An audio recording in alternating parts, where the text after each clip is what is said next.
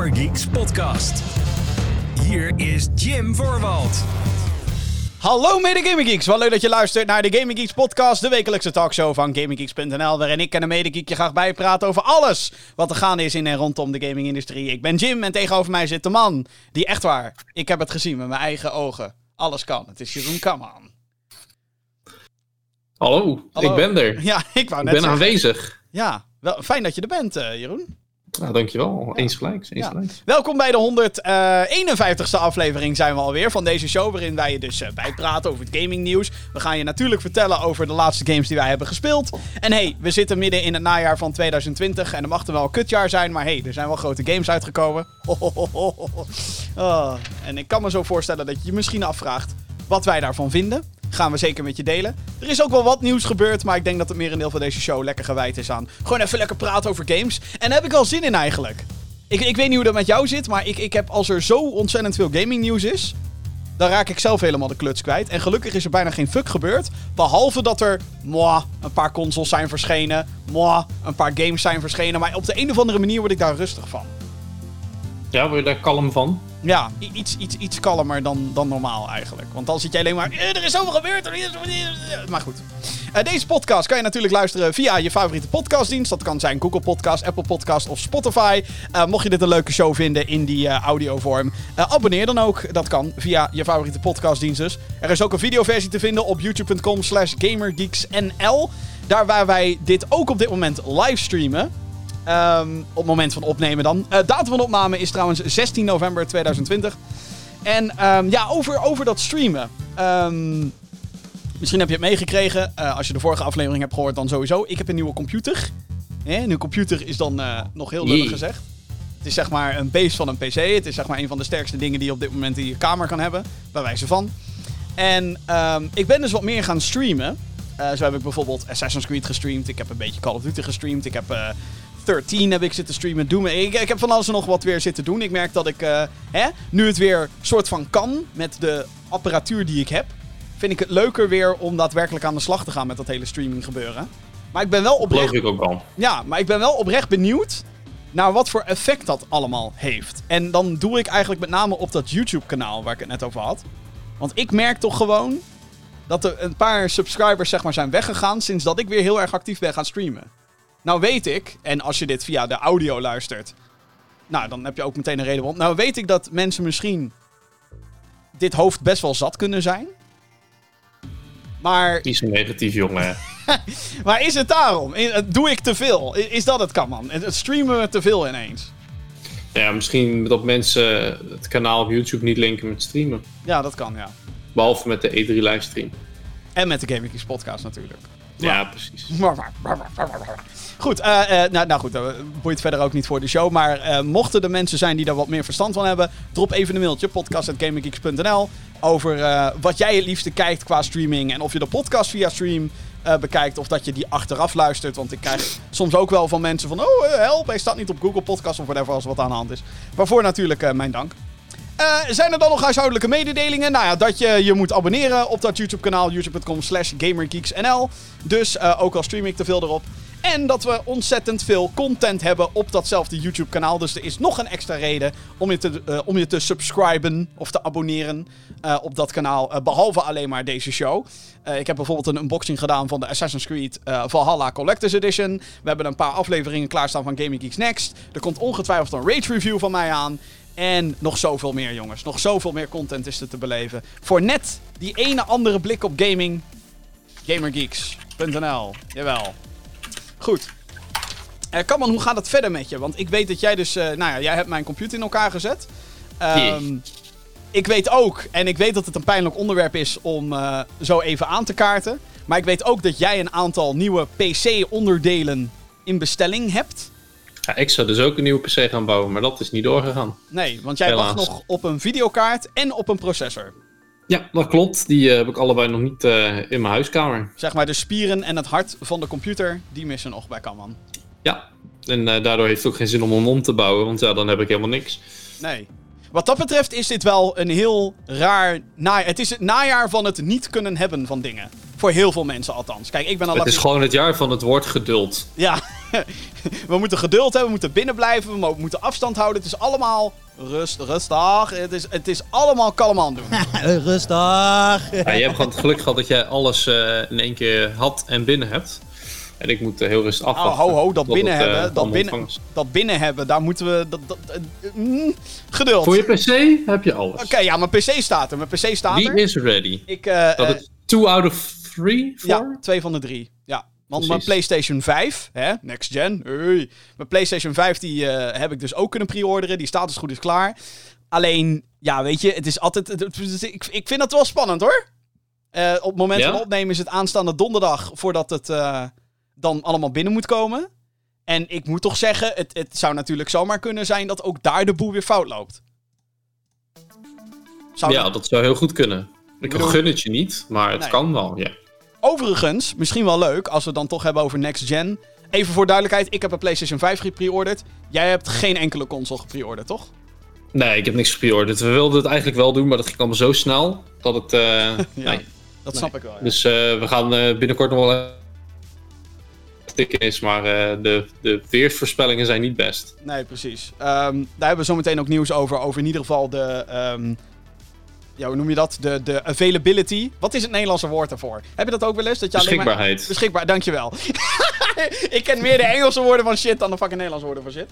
Ehm, maar de, de beschikbaarheid van Next Gen, dat eh, oei. Wat ik wel trouwens binnen heb van de PlayStation 5, zijn games. Dus dat is leuk. Ik heb nu hoesjes om naar te kijken. Ik heb ze nog niet eens opengemaakt. Maar eh, voor de geïnteresseerden, ik heb Spider-Man, Miles Morales Ultimate Edition. Zit nog in het folie zelfs. Kan ik dat laten horen? soort van. Hoor je het folie van Spider-Man. En ik heb Demon Souls binnen. Wat vind je van de hoesjes, Jim? Vind je het mooie, mooie gamehoesjes? Nou ja, kijk, ik eh, zal voor de mensen die naar de video kijken ehm, ook even een PS4 hoesje erbij pakken. Maar het is gewoon letterlijk een PlayStation 4 hoesje. Alleen is het label waar eerst PS4 op stond, dat is nu wit. Hmm. En dan is de 4 vervangen met een 5 en dat is zwart. Ge, ge- PlayStation logo is zwart en PS5 staat in het zwart geschreven. En dat is letterlijk het enige verschil tussen de twee hoesjes. Dus het is, Ja, dat is, eh, dat is heel weinig verschil. het is alles behalve spannend, zeg maar. Normaal, kijk, zelfs met de Nintendo Switch bijvoorbeeld, had je van die hele kleine cases, weet je wel, andere type cartridge ook. Dus dat vond ik super spannend. Ehm, dus ja, het, het, het, is, het is toch wel een momentje, hè? Je eerste next-gen games die je dan binnenkrijgt. Maar ja, het, het hoesje zelf maakt het, maakt het minder spannend. Overigens, waar ik me ook wel zorgen om maak, is dit. Demon Souls. Rammelt. Ja, Demon Souls ligt los. Uh-oh. Dat is trouwens geen, helemaal geen gekke zaak of zo. Maar, ehm, dus dit doe ik niet al te vaak meer. Maar dat. Oh, shit. Spider-Man ook. Ehm, losse discs, dames en heren. Laten we hopen dat ze werken. Fucking 80 euro. Dat is niet waar. Ik had discount. Hartstikke leuk. Ja, dat zijn games, eh, de prijzen die ze willen gaan vragen voor die games, hè? Ja, nou zeker. Dat wordt echt een, eh, echt een drama, ja. ja. Maar goed, eh, afgelopen week eh, Xbox One. Of eh, Xbox One, hier, daar gaan we al. Kutmerknamen. Xbox Series Xbox S. One, Series X. en X zijn uitgekomen. Ehm, ja, ik heb er eigenlijk niet zo heel veel over te zeggen. Het schijnt dat de launch voor het merendeel goed is gegaan. Ehm, uiteraard zijn er wat, ook daar wat gebrekkige hardware. Komen we zo op terug in, het, in de nieuwssectie van dit programma. Ehm, en ja, er gingen wat memes rond. Dat eh, Xbox eh, met rook en zo. En dat dat ding zou ontploffen. Maar dat is allemaal niet waar. Dat is allemaal hashtag fake news. Die heb jij ongetwijfeld ook gezien. Van die vape Ja, Xbox, het eh, ging dat het inderdaad, eh, yes we get it, you vape. ja, Dat, mensen eh, gewoon vape rook in de Xbox blies en daardoor eh, het leek of dat er rook uit de bovenkant kwam. Wat wel heel grappig was, is dat eh, het officiële Xbox-account had getweet. We can't believe we need to say this, but please don't put vape in your Xbox Series X. Een beetje dat eh, ding. Ja, maar weet je, mensen willen graag vals nieuws eh, verspreiden. Net of fake dat de console heel slecht is. Stop the vote, stop the count. Precies, Ehm, precies. Ja, dus eh, eh, dat is inderdaad het geval. Ja, ik heb eh, tot dusver eigenlijk alleen maar positieve verhalen gehoord over de nieuwe consoles. De launch line-up vind ik zelf belachelijk slecht. Als we kijken Ja. naar de Xbox Series S en X. En als je dan met name kijkt naar de nieuwe games. Ik bedoel, de Falconeer is er. Dat is tof, dat is een Nederlandse game. Ehm, die heb ik overigens ook. Alleen nog helemaal geen tijd voor gehad om te spelen. Daar komen we zo meteen ook weer op terug. Ehm, en ja, verder hebben ze eigenlijk niks. ja, Yakuza Like a Dragon hebben ze. Daarvan is de PS5-versie, die komt pas in maart. Dat zal wel ook een of andere exclusiviteitsdeal geweest zijn, maar... Ja, ik... ehm, Ja, het, het is een beetje... Ik vind het wel een gekke launch of zo. Normaal is er altijd wel één grote game waar een console mee launcht. En nou, met PlayStation 5 is dat toch soort van gelukt. hè. Play- Spider-Man en Demon's Souls, dat zijn hun twee paradepaardjes. En dan heb je nog een Sackboy Adventures. En ja, eh, eh, de meeste van de games die naar, op PS5 uitkomen, komen ook naar PS4. Maar alsnog, ze zijn er wel. Ehm, maar Xbox heeft gewoon helemaal niks. Die heeft veel te veel ge, ge, Het zou, eh, zou, Halo zou dat toch worden? Ja, Halo. maar die is eh, uitgesteld. ja. Ja. En eh, dan heb je ook nog eens. ehm, ja. De medium had je dan nog, maar die is ook uitgesteld. En voor de rest hebben ze gewoon niks. Dus wat dat betreft is het wel. Denk ik jammer of zo. Dat je op die manier ehm, moet launchen. Maar goed. Als dat apparaat er is. En ik heb gehoord dat de backwards compatibility. dat dat echt super tof is. Dat je nu Xbox One games op hoge resoluties en op hoge framerates kan draaien. Iets wat ik natuurlijk al lang heb ervaren op de PC. En wij zijn eh, mensen van Jij? de PC Master Race. Jij toch ook? Jij nu? Bedoel, eh, Ik nog niet. Jawel. Ik bedoel, Daar, vroeger, vroeger. daar waar... Kom op, man. Kom op, man. Kalm op, maar. Kom op, maar nou goed, anyway. Dus dat, eh, dat is een beetje de next gen update. Ehm hou GamerGeeks.nl in de gaten voor meer wat dat betreft. En met name PlayStation 5. Want ja, ik heb Demon's Souls voor een reden. Dat wordt ragen. Dat wordt pijnigen. En ja, ik ben van plan dat allemaal uit te gaan zenden. Ik denk dat het een 18 plus eh, stream wordt. Want met mijn, hard schelden wat je gaat doen. ja, met mijn taalgebruik eh, gaat dat helemaal niet goed komen. De Lekker, man. playlist. Dan de playlist van deze week. En nou ja, ik denk dat, dat we nu gewoon lekker drie kwartier lang kunnen gaan lullen. Er zijn namelijk een aantal hele grote games uitgekomen. Naast dat er een console is uitgekomen. Of eigenlijk als het gaat om, om Amerika, zijn er meerdere grote consoles verschenen. Want ja, in Amerika hebben ze de PlayStation 5 al. Verdomme. Klootzakken. Anyway. Wat ook heel raar is. Ja, nou ja, het- onze, onze medegeek Johan, die ook vaak te horen is in deze show, die had daar echt de pest over in. Die vond het niet leuk meer. Die had zoiets van Sony sterf met al je PlayStation 5 tweets. En al je game teasers en zo. Maar het is ook heel gek in de huidige tijd. Waarom moet er nou zoveel tijd verschil zitten tussen... Kijk, dat het een paar uur is omdat hè, daar is het acht uur eerder dan hier. Om dan nu te zeggen een week later krijgen jullie een pas. Vind ik gewoon... Ik vind dat heel gek. Ja, het is, het is ook wel een beetje raar. En zeker omdat. ehm, ik, ik heb al games. Mensen hebben Ja. hun controllers al. Ik bedoel, het is gewoon fucking raar dat, dat alles er al is. Dus ja. ehm, wacht even hoor. Ik heb, er zit een kabeltje los hier. Kijken of alles weer werkt. Werkt alles weer? Oh, ik dacht al. Ik, ik hoor even iets niet. Ja, nee, er is iets met mijn eh, technisch vlak van de podcast dit. Maar er is iets met mijn... Met, met een kabel... Met het... Daadwerkelijk het enige kabeltje wat waarschijnlijk stuk is aan mijn hele setup op dit moment... is het kabeltje wat mijn mixertje eh, verbindt met de computer. Dus dat is ook weer lekker. Oh, fijn is dat inderdaad. Fijn, ja, dat is echt verschrikkelijk. Dus eh, als, als, als ik ineens zeg... Oh, kabeltje! Dan is eh, dat aan de hand. En Anyway. waarschijnlijk hoor ik dat niet eens. Nee, nee, jij, jij hoort me waarschijnlijk helemaal niet meer. Jij denkt ik waarschijnlijk... zat echt zo van, oh nee, is, het, is de verbinding weg? Oh oh. Ja, de verbinding is weg. Nee, maar eh, wat ik... Oh.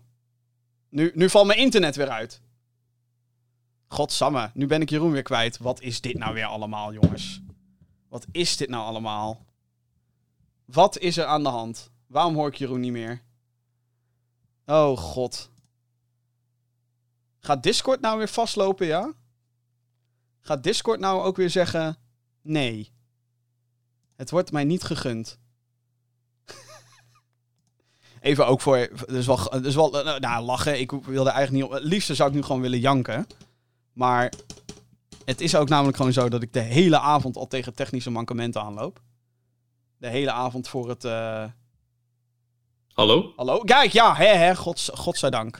Heel raar. Dus- Want ik zie jou nogal live op Twitch, maar wij hebben geen verbinding meer. Dus Discord zijn gewoon... Het is echt. Het is, laten zien hier, maar het zijn de middelste vingers hier zo. oh mijn god. Ja, nee, echt. Het is. Het is eh, Nou, jij, jij, jij hebt het al achter de schermen meegemaakt, mijn rages en. eh, Yes. allemaal. Dus, eh, nou, het is, weer, het is weer ouderwets. Aflevering 151. Het is nog steeds gewoon, nou ja, whatever. Anyway, we hadden het over. Oh ja, wat we gespeeld hebben deze week. Nou, Dat is fijn. Eh, gelukkig... Ja, en dat de PlayStation, hè, dat de mensen al controllers en spullen hadden en Oh ja, dat, nog ja. geen console. Ja, nog geen console. Wat ook heel gek is. Wel Ik games. waarom? Wel controllers, maar nog geen console. Die komt de 19e. Nou, eh, wat heb ik eh, gespeeld deze week? Nou, jongens. It's that Gok time, het maar. it is that time of the year again. Joepie, joepie, joepie. Assassin's Creed Valhalla. Ja, ja. Jee. Jij hebt helemaal niks hè, met Assassin's Creed, geloof ik. Ja, vroeger wel. Deel 2, 1, eh, volgens mij Brotherhood zelfs nog. Maar daarna is het eigenlijk voor mij bergafwaarts gegaan. Oh. Toen wist, toen wist ik het wel. Oh ja, ja, oké. ja, dat is helemaal geen... En dat is een beetje, dat is een beetje met, wat ik met open world games heb. Eén, ik spendeerde veel te veel tijd in. Op een bepaald moment ben ik moe of zo van zo'n game. Dus dan heb ik er niet zo zin meer in. Omdat ik ja, niet vooruit ga in het verhaal. En dat is in dit geval mijn eigen schuld. Maar ik wil gewoon alles halen. Eh, en als ik dan kijk bijvoorbeeld naar The Witcher. Die heeft heel lang bij mij op de plank gelegen. Maar is me uiteindelijk wel gelukt om het te doen. Maar bij eh Assassin's Creed bleef het natuurlijk redelijk hetzelfde. Dus op een van, ja, nee, ja, leuk dat ik nu hè, in deel 4 een bootje kan varen. Of in Black Flag. Was dat 4? Eh, ja, ja. Onder Ja, nou, ja, leuk dat ik een bootje kan varen, maar ik vond het niet... Ja, het pakte me gewoon niet meer. Het was niet uniek genoeg. En dat hebben ze met Origins dan weer wel gedaan en met Odyssey.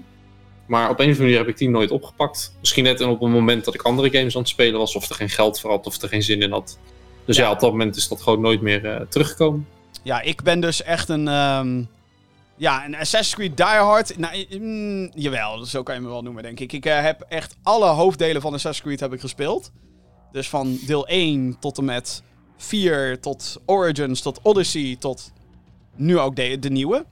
En ehm, mijn, mijn, mijn relatie met de franchise is een beetje gemengd. Want ik heb zoiets. van- Haatliefde.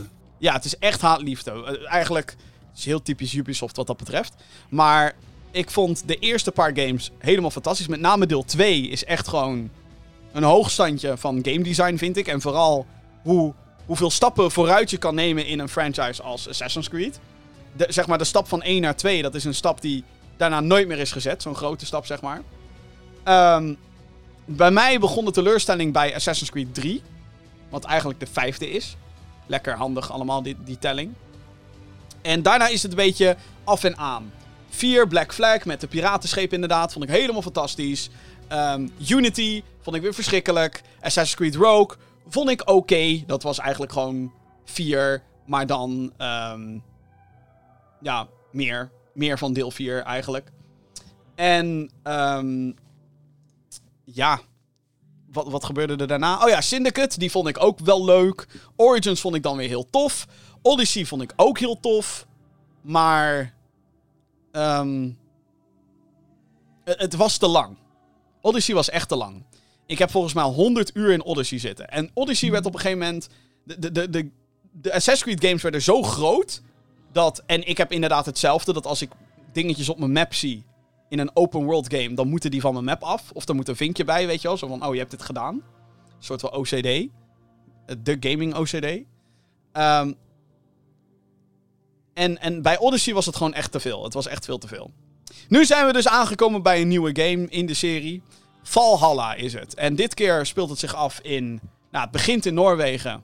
En daarna ga je naar eh, Griekenland. Of, eh, Griekenland, dat was de vorige. Daarna ga je naar ehm, Engeland om daar de boel over te nemen. Want hé, hey, je bent een viking, je zoekt een nieuw thuis en raiden maar. Dat is een beetje het, eh, het, het principe van het plot. En ik heb ook met deze game zo'n ontzettend wisselende ervaring. Dat is eigenlijk bizar. Ik begon met deze game te streamen en ik had iets van... Oh fuck, alle klungelige Assassin's Creed shit zit hier weer in. En daarmee heb ik het met name over hoe de animaties doen, hoe characters reageren op de wereld, hoe de camera beweegt, hoe glitchy het allemaal is. Het is allemaal weer dat. Het net niet verhaal. Het net niet verhaal. Het, het, het, hè, dan heb je een, een, een, een- in een van de eerdere scènes hebben ze zo'n soort banquet, weet je van, oh, we vieren feest met de leiders van het Noorse koninkrijk, bla bla bla. En dan zie je, zeg maar, bekers door handen heen glitchen. Je ziet capejes door bankjes heen glitchen. En dat soort shit allemaal, weet je. En dan denk ik, fuck me gewoon. Het is gewoon weer niet... Dat is niet nodig. Ja. Het is niet de polish die je zou willen zien. En als dat soort shit in de open world gebeurt, dan vind ik het allemaal niet zo erg. Want het is een open wereld. Er zijn En allerlei... is va- de focus er ook niet zo erg op. Exact, maar in een story segment, eh, met name in cutscenes, in-game cutscenes, gewoon die, die, die, die typische Assassin's Creed animaties, dat hele klungelige, dat zit hier weer in. En dat geldt eigenlijk ook voor de combat een beetje. Het is gewoon, oké, korte versie, Valhalla is Odyssey, maar dan wel wat mooier. En met wat mooier bedoel ik wel dat ze daadwerkelijk heel veel assets eh, een tikje omhoog hebben geschroefd als het gaat om kwaliteit. Ehm, dat is, kan misschien ook komen natuurlijk omdat ik nu op een nieuwe computer zit. Maar ik, ik, ik durf wel te zeggen dat dit er wel echt significant gewoon beter uitziet. Als je gewoon puur en alleen kijkt naar hoe eh, de characters bewegen. Met name de baardharen van de vikingen. Wat raar klinkt, maar dat ziet er echt heel goed uit. En sommige, ehm, ja, sommige textures, sommige gebieden zijn gewoon heel erg goed gedaan. Heel erg mooi. Dat je denkt, oh ja, hier hebben ze daadwerkelijk budget en Tijd. ja. en tijd, et cetera, et cetera, ingestoken. Ehm, maar dan ga je naar andere aspecten. Zoals ehm, vuur bijvoorbeeld. Je kan gebouwen hier in de fik zetten, want dat doen vikingen. En dan ziet het vuur ziet er dan weer fucking slecht uit, weet je wel. Dat draait dan op like 15 frames per seconde, terwijl de rest van de wereld om je heen... dat draait op 60, weet je al. Of hoger. Nou, niet veel hoger in dit geval. Dat, dat, dat is dan ook weer niet zo heel erg, heel erg goed, weet je al? En ik heb een beetje van de combat geproefd. En de combat is, ja, val aan, val aan, parry, val aan, val aan. En gebruik soms een ability. Net zoals Odyssey, wat ook een beetje zo werkte. En het is, het enige wat ze hebben aangepast een beetje is de manier hoe levels werken. Maar zelfs dat werkt nog redelijk hetzelfde. Ze hebben dingen wat ehm, simpeler gemaakt. In de zin van dat er niet. ehm, in de zin van dat er niet 1400 zwaarden zijn die je kan hebben. De, de, de, gear die je kan oppakken is redelijk beperkt. Maar daardoor is elk wapen dan wel heeft een andere handling en zo. Je kan alles dual wielden. Nou verandert dat de combat van wat ik tot nu toe heb gespeeld ook niet echt heel veel. Ehm, ja, en voor de rest is het gewoon allemaal een beetje hetzelfde. Ja, Ik, vind, ja, ik, ja. ik, ik, ik, ik merk nog niet echt de, de verschillen tussen, tussen beide games. Natuurlijk, er zijn verschillen. hè, Maar dat is toch ook een beetje hoe het eerst ging. Want alle games voor Origins die waren al redelijk hetzelfde. Toen zijn ze er een jaar of twee even uit geweest. Toen kwam Origins, of zelfs langer, dat weet ik niet exact. Eh, maar jaar nu merk je dat het weer elk jaar een game is. En daardoor zijn die veranderingen, die verschillen zo ja, minimaal. Ja, ja, en ik denk, ook, ik denk ook echt dat dit... Ik hoop dat dit soort van de laatste in de Origins Action RPG Trilogy wordt, zeg maar. Ehm, want ik... Ja, ik weet niet, misschien is mijn geduld gewoon op of zo. Ik kan me, ik kan me herinneren dat ik tijdens de, eh, de review van Odyssey... En dat is dus inmiddels anderhalf, twee jaar geleden... Toen zei ik nog zo van... Weet ik vond het heel erg tof. En de setting vond ik te gek. En ik vond het verhaal te gek. Ehm, maar ze moeten de volgende keer wel echt die verbetering op gaan zoeken. En alhoewel er dus echt wel verbetering is, zeker qua graphics, qua gameplay ben ik daar nog helemaal niet zo over uit. Laat ik wel even ook erbij zeggen, ik heb natuurlijk de game nog lang niet uitgespeeld. Ik zit, eh, nou, ik ben acht uur onderweg of zo. Ehm, maar ja, het is wel, het is weer hetzelfde en dat kan heel goed zijn. Of dat kan heel slecht zijn. Ik, zie, ik, ik, heb daar een mixed bag over. Omdat ik zoiets heb van... Oké, dus ik ga weer 100 uur in deze game stoppen sowieso. Hè? Al is het alleen maar om gewoon... Als ik met mensen op Discord zit bijvoorbeeld. Als die shit werkt.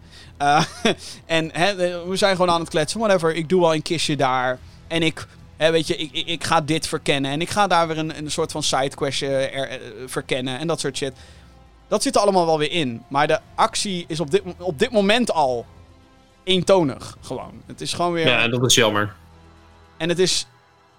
Ik weet niet. Misschien is het ook gewoon het tijdperk. Misschien is het. De. Kijk, dat, dat, dat Assassin's Creed niet meer lijkt op de oude Assassin's Creed.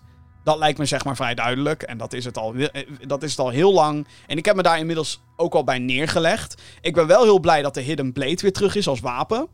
Dus dat je gewoon weer de klassieke assassinations kan gaan uitvoeren. Maar ook daar geldt weer dat je niet zomaar elke enemy kan assassinaten, zeg maar. Er zitten grenzen aan, want dat heeft weer te maken met hoe sterk die mensen zijn. En dan denk ik ook weer van, ja, dat was ook weer niet in de oude zo, hè, jongens. Ehm, en daarnaast, en dat vind ik ook een beetje, een beetje ehm, raar. En misschien komt dat ook omdat ik nog niet daar bij het verhaal ben. Maar een viking die stealth gaat doen, is toch wel een beetje gek.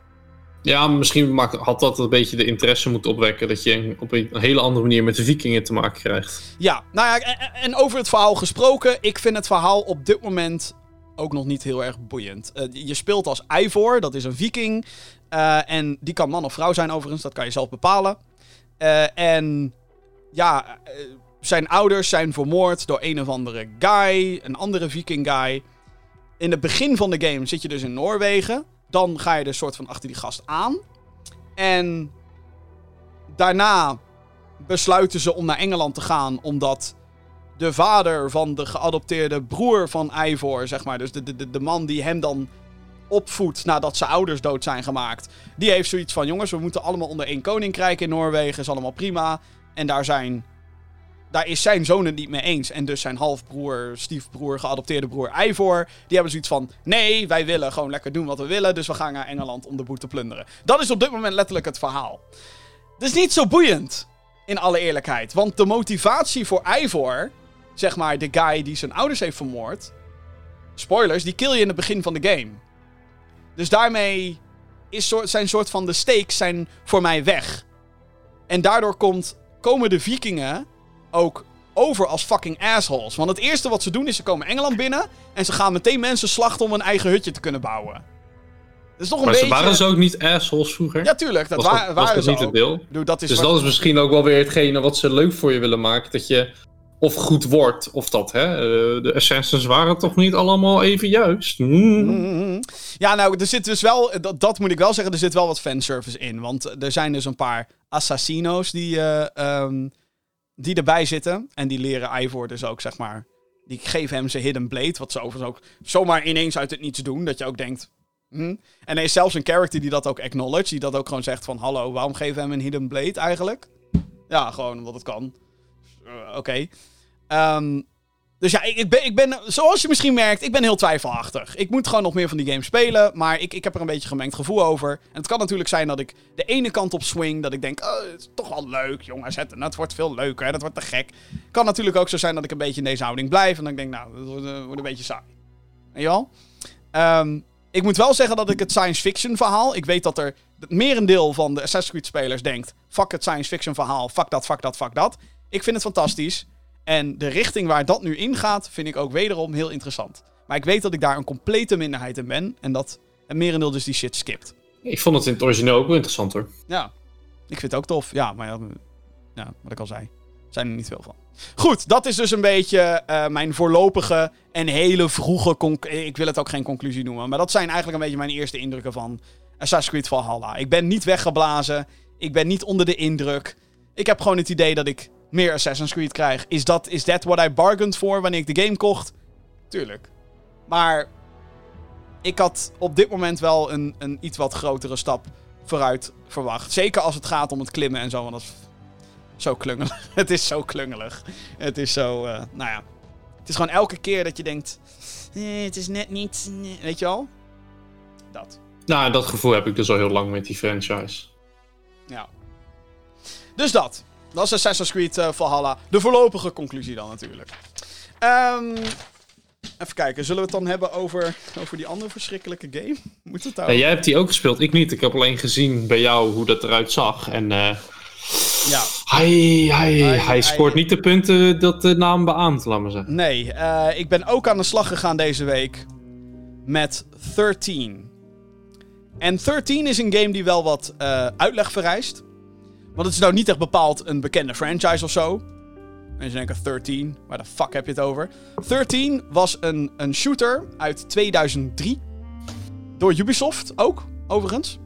En die kwam toen de tijd uit voor PC, PlayStation 2. Ja, ja. GameCube en de OG Xbox. We hebben het hier over de allereerste Xbox. En het was een game die ehm, opvallend was door zijn shell-shaded... eh, shell- zo, comic book stijl. En ehm, de, de mengeling tussen keiharde schietactie en stealth-elementen hier. En een heel tof verhaal, want de game is namelijk gebaseerd op een Belgische strippenboekenreeks. Dus eh, eh, het- het- het- over de jaren heen werd het een soort van cultklassieker. Zo'n game waar mensen fijne herinneringen aan hadden. En waarbij mensen zoiets hadden van, ah ja, 13, dat kende ik nog. En wat het kutte was aan die game, is dat het een cliffhanger had. Het had de grootste cliffhanger ever. Finish the fight uit Halo is er niks bij.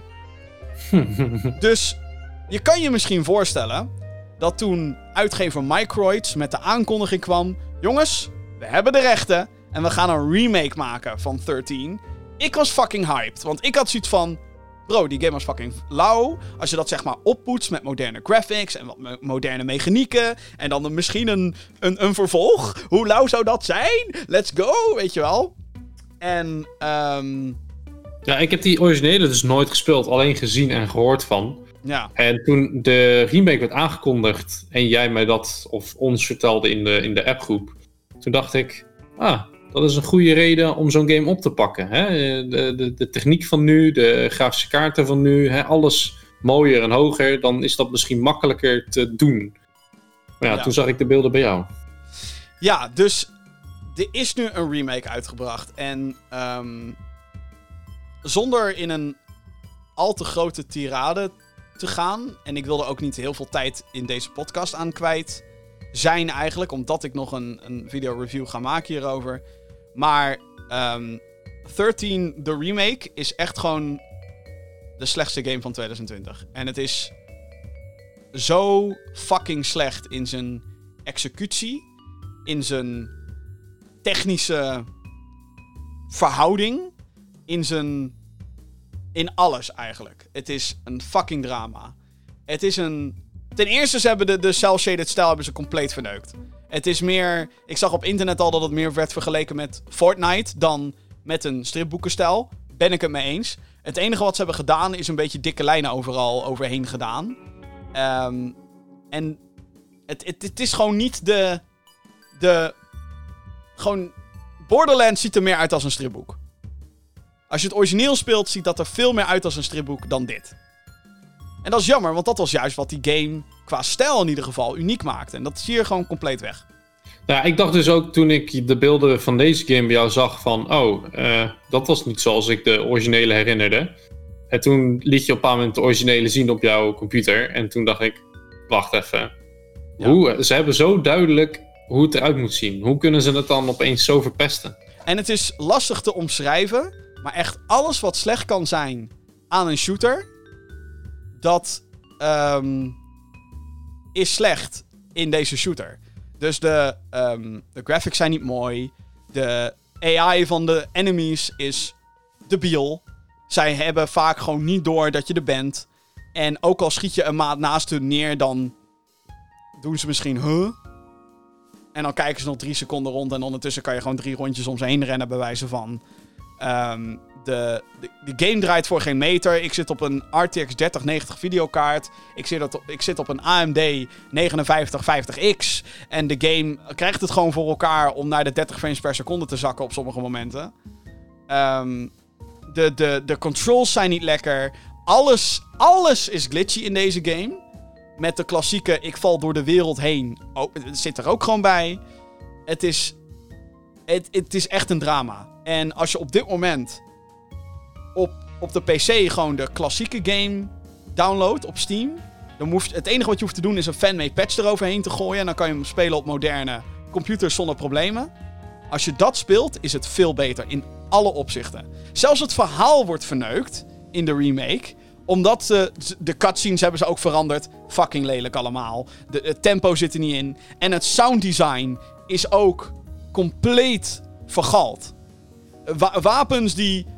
Je hoort de, de- reloads animaties van de wapens. Dus als je een wapen herlaat, matchen niet met het geluid wat je hoort. Er is zelfs een level dat je in een basis bent. En je hoort op van die stalen daken. Je hoort, je hoort zeg maar dat er regen opvalt. De regen zie je niet. Je hoort het wel, maar je ziet het niet. En dat soort fouten, overal. Overal. Als je een lijk oppakt, want je kan hier dus lijken oppakken om ze te verstoppen. Eh, dat, dat is handig in sommige missies. Ehm, alhoewel de AI in deze game nogmaals zo dom is dat ze dat vaak niet eens doorhebben. Maar je kan het oppakken en dan is het ook gewoon een soort van T, halve T-pose waarin die lijken zich vergallen. Je pakt het op, je legt het neer en het wordt nooit neergelegd waar jij het wil neerleggen, want het glitcht ergens door een muur heen. Het is zo ontzettend slecht. Gewoon noem Maar alle... de rest van deze rage, kijk de Game Geeks review. Het is echt, maar... En, en de reden waarom ik ehm, het hier nog... Oké, laatste wat ik erover wil zeggen. De game is fucking slecht, oké? Alles is fucking slecht. Alles. Nee, ik heb het gezien en ik ben het met je eens. Ik heb het niet gespeeld, maar de beelden die ik heb gezien vanuit jouw stream en ja, het is gewoon. Het kan niet. Eh, eh, eh, 20, 2020 kan het niet. wat, ik, wat ik al zei, noem alle slechte elementen die je kan hebben in een shooter en ze zitten hierin. Ze zitten hierin. En het, en het probleem is dus inderdaad dat het origineel had veel minder van dit soort problemen. Want A, het kwam uit 2003 en B, het zat gewoon niet in het origineel. Het was like beter. Ehm, en het laatste wat ik erover wil zeggen is dat de uitgever Microids... Je kan je misschien voorstellen dat, hè, als je mijn reactie zo hoort, dat misschien meer mensen het niet zo fijn vinden wat, wat, wat er met deze game gebeurd is. Als je ook naar Steam gaat, eh, de, de receptie van de game is ehm, niet goed. Overwhelming, overwhelmingly negative staat er op Steam. Volgens mij van een van de slechtste uitkomsten die je kan krijgen op je site. Zeker. En nu heeft dus de uitgever heeft dus een statement naar buiten gebracht. En ehm er staat dus. Ze hebben een statement uitgebracht over de kwaliteit van de game. En daarin staat dus in een notendop staat: hey jongens, wij zijn ook teleurgesteld met de kwaliteit van de game. We hadden een day one patch gepland, maar die is uitgesteld vanwege COVID. Ze geven de schuld dus aan fucking COVID. Ehm, van hoe slecht deze game is. En ik kan het bijna niet geloven dat ze dat doen. En ik vind Nee, het... je, eh, je ziet toch gewoon hoe zo'n game is en dan kan je er toch voor kiezen om hem niet uit te brengen of wel uit te brengen. Het is gewoon. Ja. Dit weet je toch, dit weet je van tevoren en ze hoopten er gewoon mee weg te kunnen komen. Dat is het gevoel dat ik ermee krijg. Ja, nee, het is echt... ehm, Ja, het is, het, is, eh, het is een drama. Maar meer daarover inderdaad op Gaming Geeks wanneer ik mijn volledige rage los ga laten. Want het, het is, eh, eh, mijn, mijn hart is gebroken, zeg maar. Mijn hart is echt gewoon... Nee wel, dit was, een, dit was een klassieker. Dit was een game uit mijn puberteit. En die is nu gewoon vergald. Alhoewel het origineel bestaat natuurlijk nog, maar je, je had een kans hier. En die hebben ze Ja, alles ze hadden hier iets heel moois van kunnen maken en nu heeft eh, niemand meer vertrouwen in de studio die erachter zit. Oh nee, dat sowieso niet. Oeh, nee, nee, zeker niet. Goed, Eh, maar we hebben nog een game gespeeld. Ja, ja, de playlist duurt lekker lang in deze aflevering. En die was eh, voor ons allebei een eh, leuke ervaring. Ja, eh, Voor mij iets minder dan voor jou, want hey, jij hebt je mooie computer. Ik moet op PlayStation 3 kwaliteit spelen. Oh, Maar hey, God, oh god, oh god. Ja, want een nieuw najaar, dat betekent natuurlijk ook een nieuwe Call of Duty. Call of Duty van dit jaar is Call of Duty Black Ops Cold War.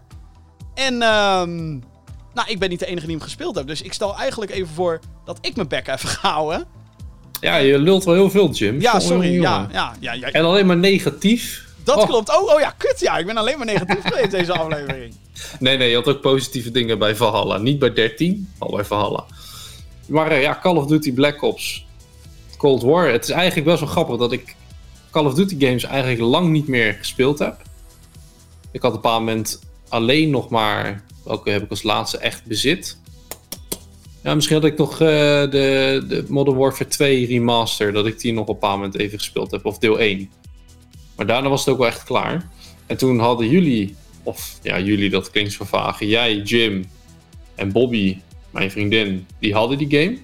Of hadden die game al gespeeld. En toen probeerden jullie mij met Warzone, en Loris ook trouwens. En ook een van de kijkers en luisteraars. Ja, Jeroen, koop nou die game. Dan kunnen we met z'n allen Warzone gaan spelen. En ik had er helemaal geen zin in. En op een bepaald moment heb ik toch mezelf over laten halen. En dat vond ik eigenlijk toch best leuk.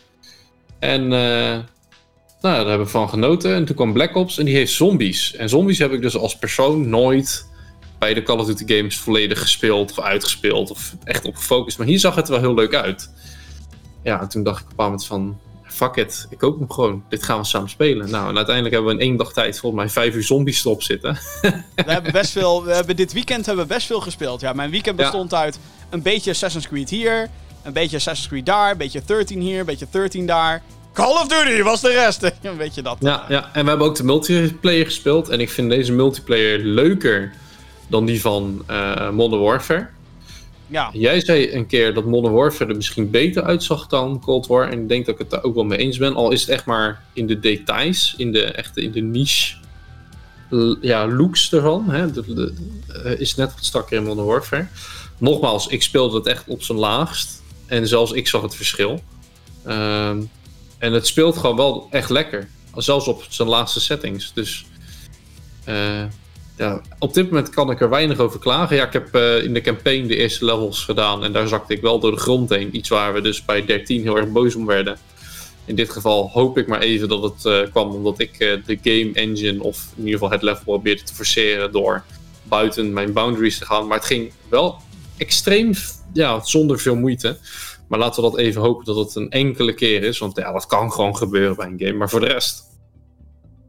Ja, ik, ja, ik vind ook de, het tijdperk waar het zich afspeelt. eh hè, beetje die, de Cold War, haha, Koude Oorlog. Beetje jaren 70, 80. Weet je, dat vind ik, eh, vind ik een, hele leuke, tijd, een heel leuk tijdperk om het in af te laten spelen. Ook die eerste missie die begint op een manier. Ik ga geen spoilers geven, maar dat ik denk van, ha ja, lekker, leuk. Dit vind ik leuk aan een campaign van Call of Duty. Een beetje dat cinematische, cinematic experience. Ja. Dus ik denk dat het wel een succesvolle game is. Ja, welke Call of Duty niet? Eh, dat verkoopt Dat als warme is- broodjes bij de bakker. Maar Dat sowieso, ja. ja. Maar wat, wat vond je van de multiplayer die we tot nu toe hebben gespeeld? Er zijn een aantal eh, modi natuurlijk. Ik bedoel Team Deathmatch, Domination. eh, ze hebben dit keer ook wat grotere maps. Volgens mij om ook een beetje mee te gaan met Modern Warfare, zeg maar. De game van vorig jaar. Die natuurlijk hebben ook- wij grote maps gespeeld? Ja, met die boten. Eh, ja, die vind ik wel mooi. Met ja. die schepen. Die vind ik wel interessant. Ja, het grappige is, jij zit al zo lekker te rage in de game. Met eh, hoe dan? Hoe, hoe, hoe deed je dat? Hoe deed hij dat? Hoe kan dat?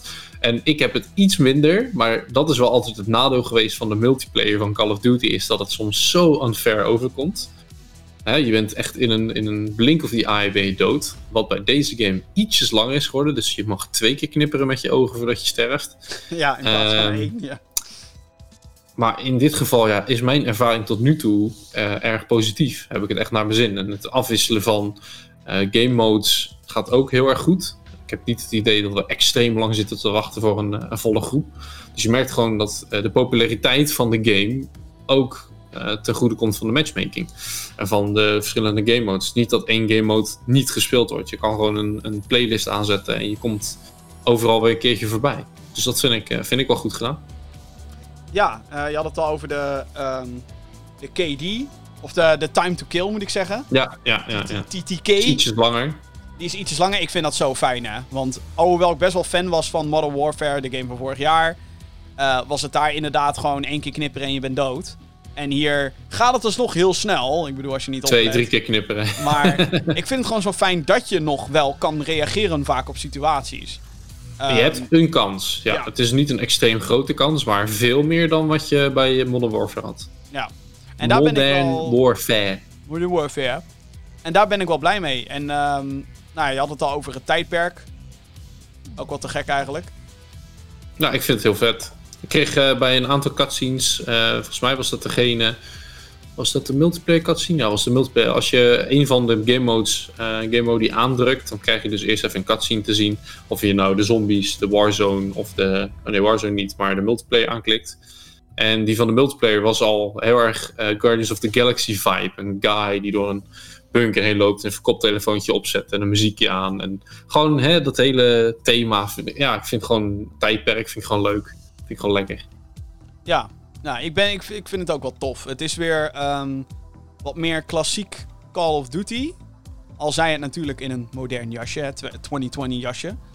Ehm alhoewel, ja, omdat de graphics ook niet zo mooi zijn als die van vorig jaar, is dat ook meteen weer een soort. een soort. Ja. Vo- voelt het nog meer classic aan of zo? Ja, maar het is niet lelijk. Nee, nee, nee, nee. Het is geen lelijke game. Nee, zeker niet. Het is alleen dat... Alleen je merkt gewoon dat op een aantal eh, aandachtspunten er bij Modern Warfare meer aandacht is besteed. Ik kan er niet echt mijn vinger op leggen. Ik kan niet echt zeggen van dat is het.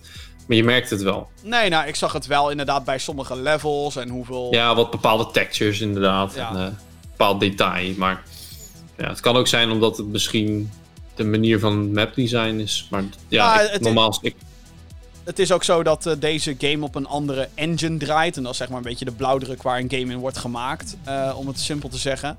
Dan die van Modern Warfare. En ik denk dat eh, deze game ja. dat op een iets oudere blauwdruk doet dan de game van vorig jaar. En dat krijg je als je meerdere studio's en die hebben allemaal een eigen visie. En die hebben allemaal, weet je al, dan, dan, dan ga je dat onvermijdelijk krijgen. En ik snap, ik snap Ja. de kritiek natuurlijk dat er dan mensen zijn die zeggen... Ja, hallo, de game van dit jaar ziet er niet zo mooi uit als die van vorig jaar. En dan betaal, moet ik verdomme weer 60 euro betalen.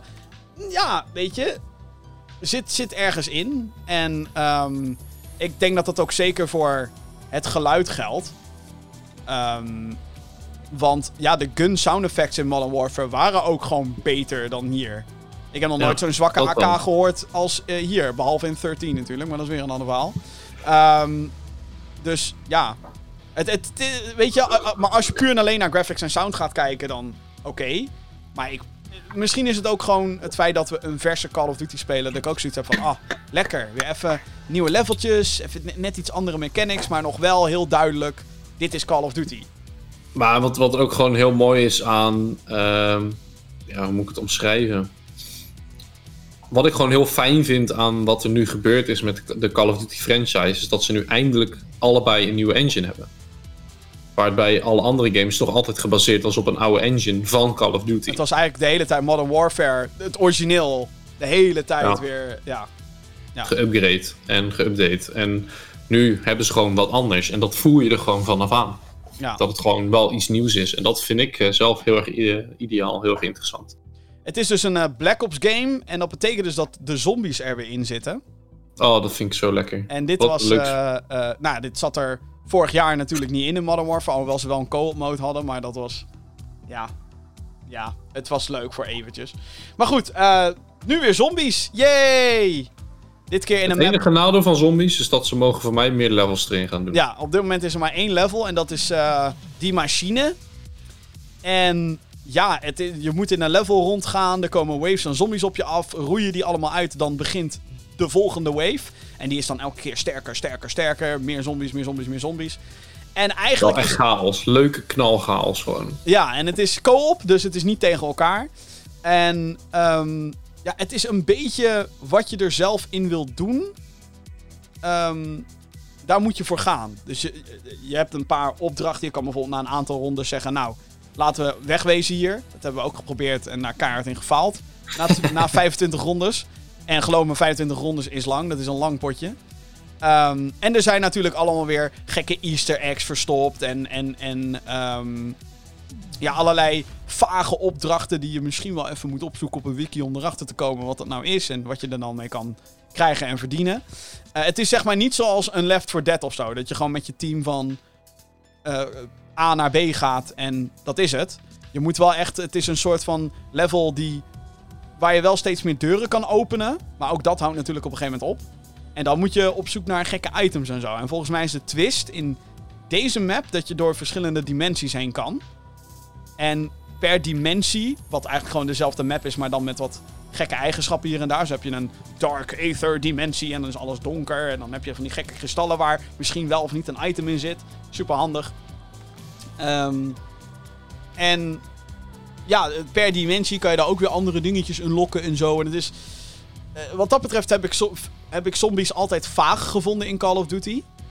Dat Is van, het ook nog steeds wel een beetje. Ja, van ja, wat... wat Je rent als kippen zonder kop rent je rond. Ja, als je kijkt naar een Left 4 Dead, dan is het echt van A naar B. eh, moet je een bepaald doel halen. En hier is dat het surviven van de waves. En dat heeft op zich wel wat. En ik had wel echt de, dezelfde eh, ervaring in de zin van de, de co-op gameplay als een Left 4 Dead. En dat is een goed teken. Ja, ik vond het ook echt heel leuk. Het, het verbaast me eigenlijk dat ik pas na nou, vier lange potjes. Want deze, eh, als je het een beetje goed doet en je bent een beetje aan het verkennen, dan duurt een potje niet vijf minuten. Ja, of je bent heel slecht, maar hè, dat is ook weer een ding. Ehm, Weet je wat nu het erge is voor de mensen die kijken?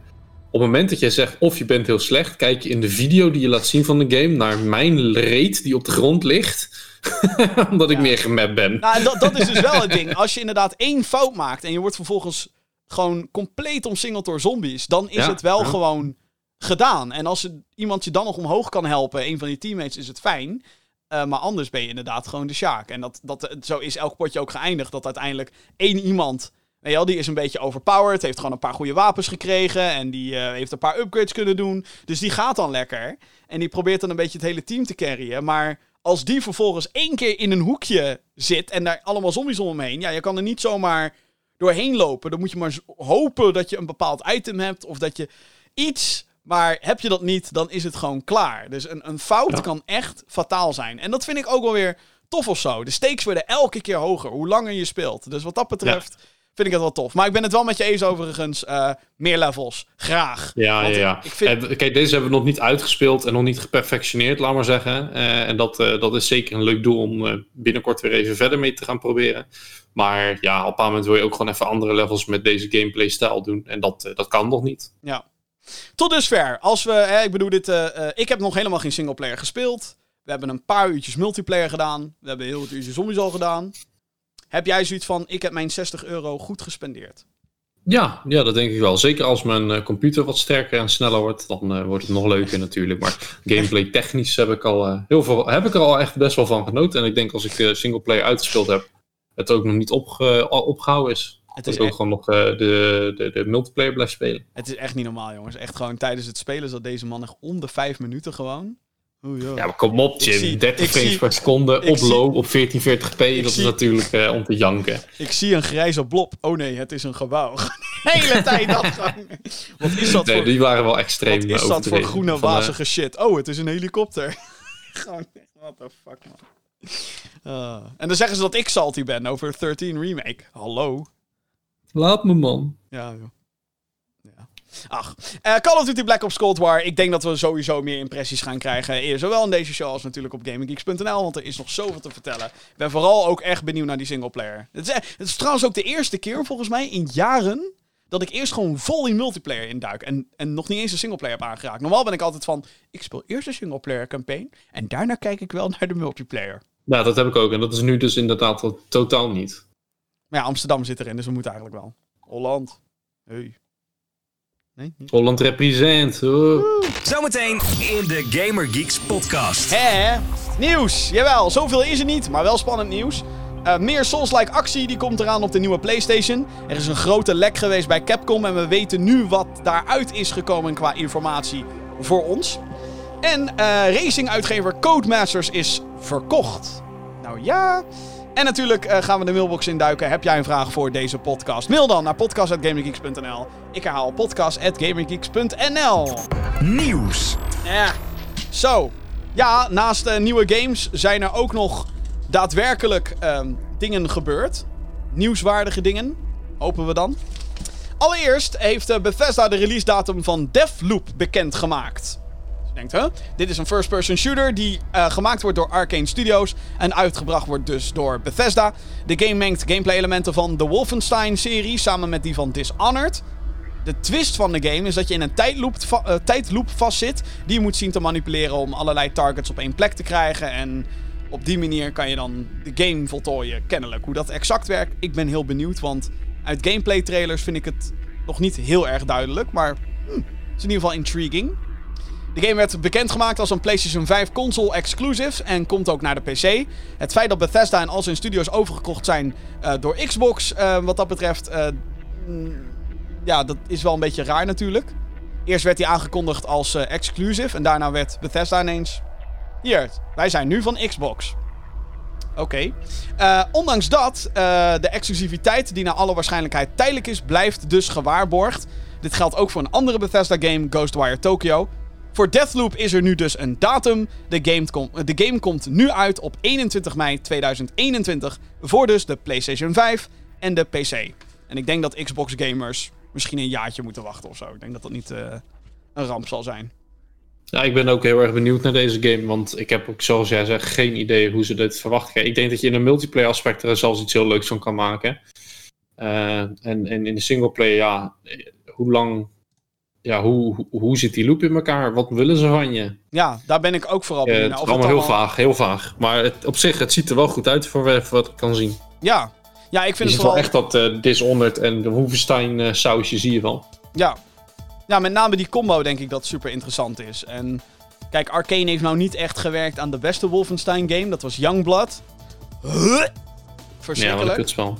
Ehm, oh ja, die hebben wij ook nog samen gespeeld. Nou, echt een kutspel. Oh man, man, man. Ik kreeg wel veel frames erin eh, op goede kwaliteit. Ja, dat wel, ja, ja, ja. Maar het was, was, was geen goede game. Dus laten we hopen dat dit wel wat beters is.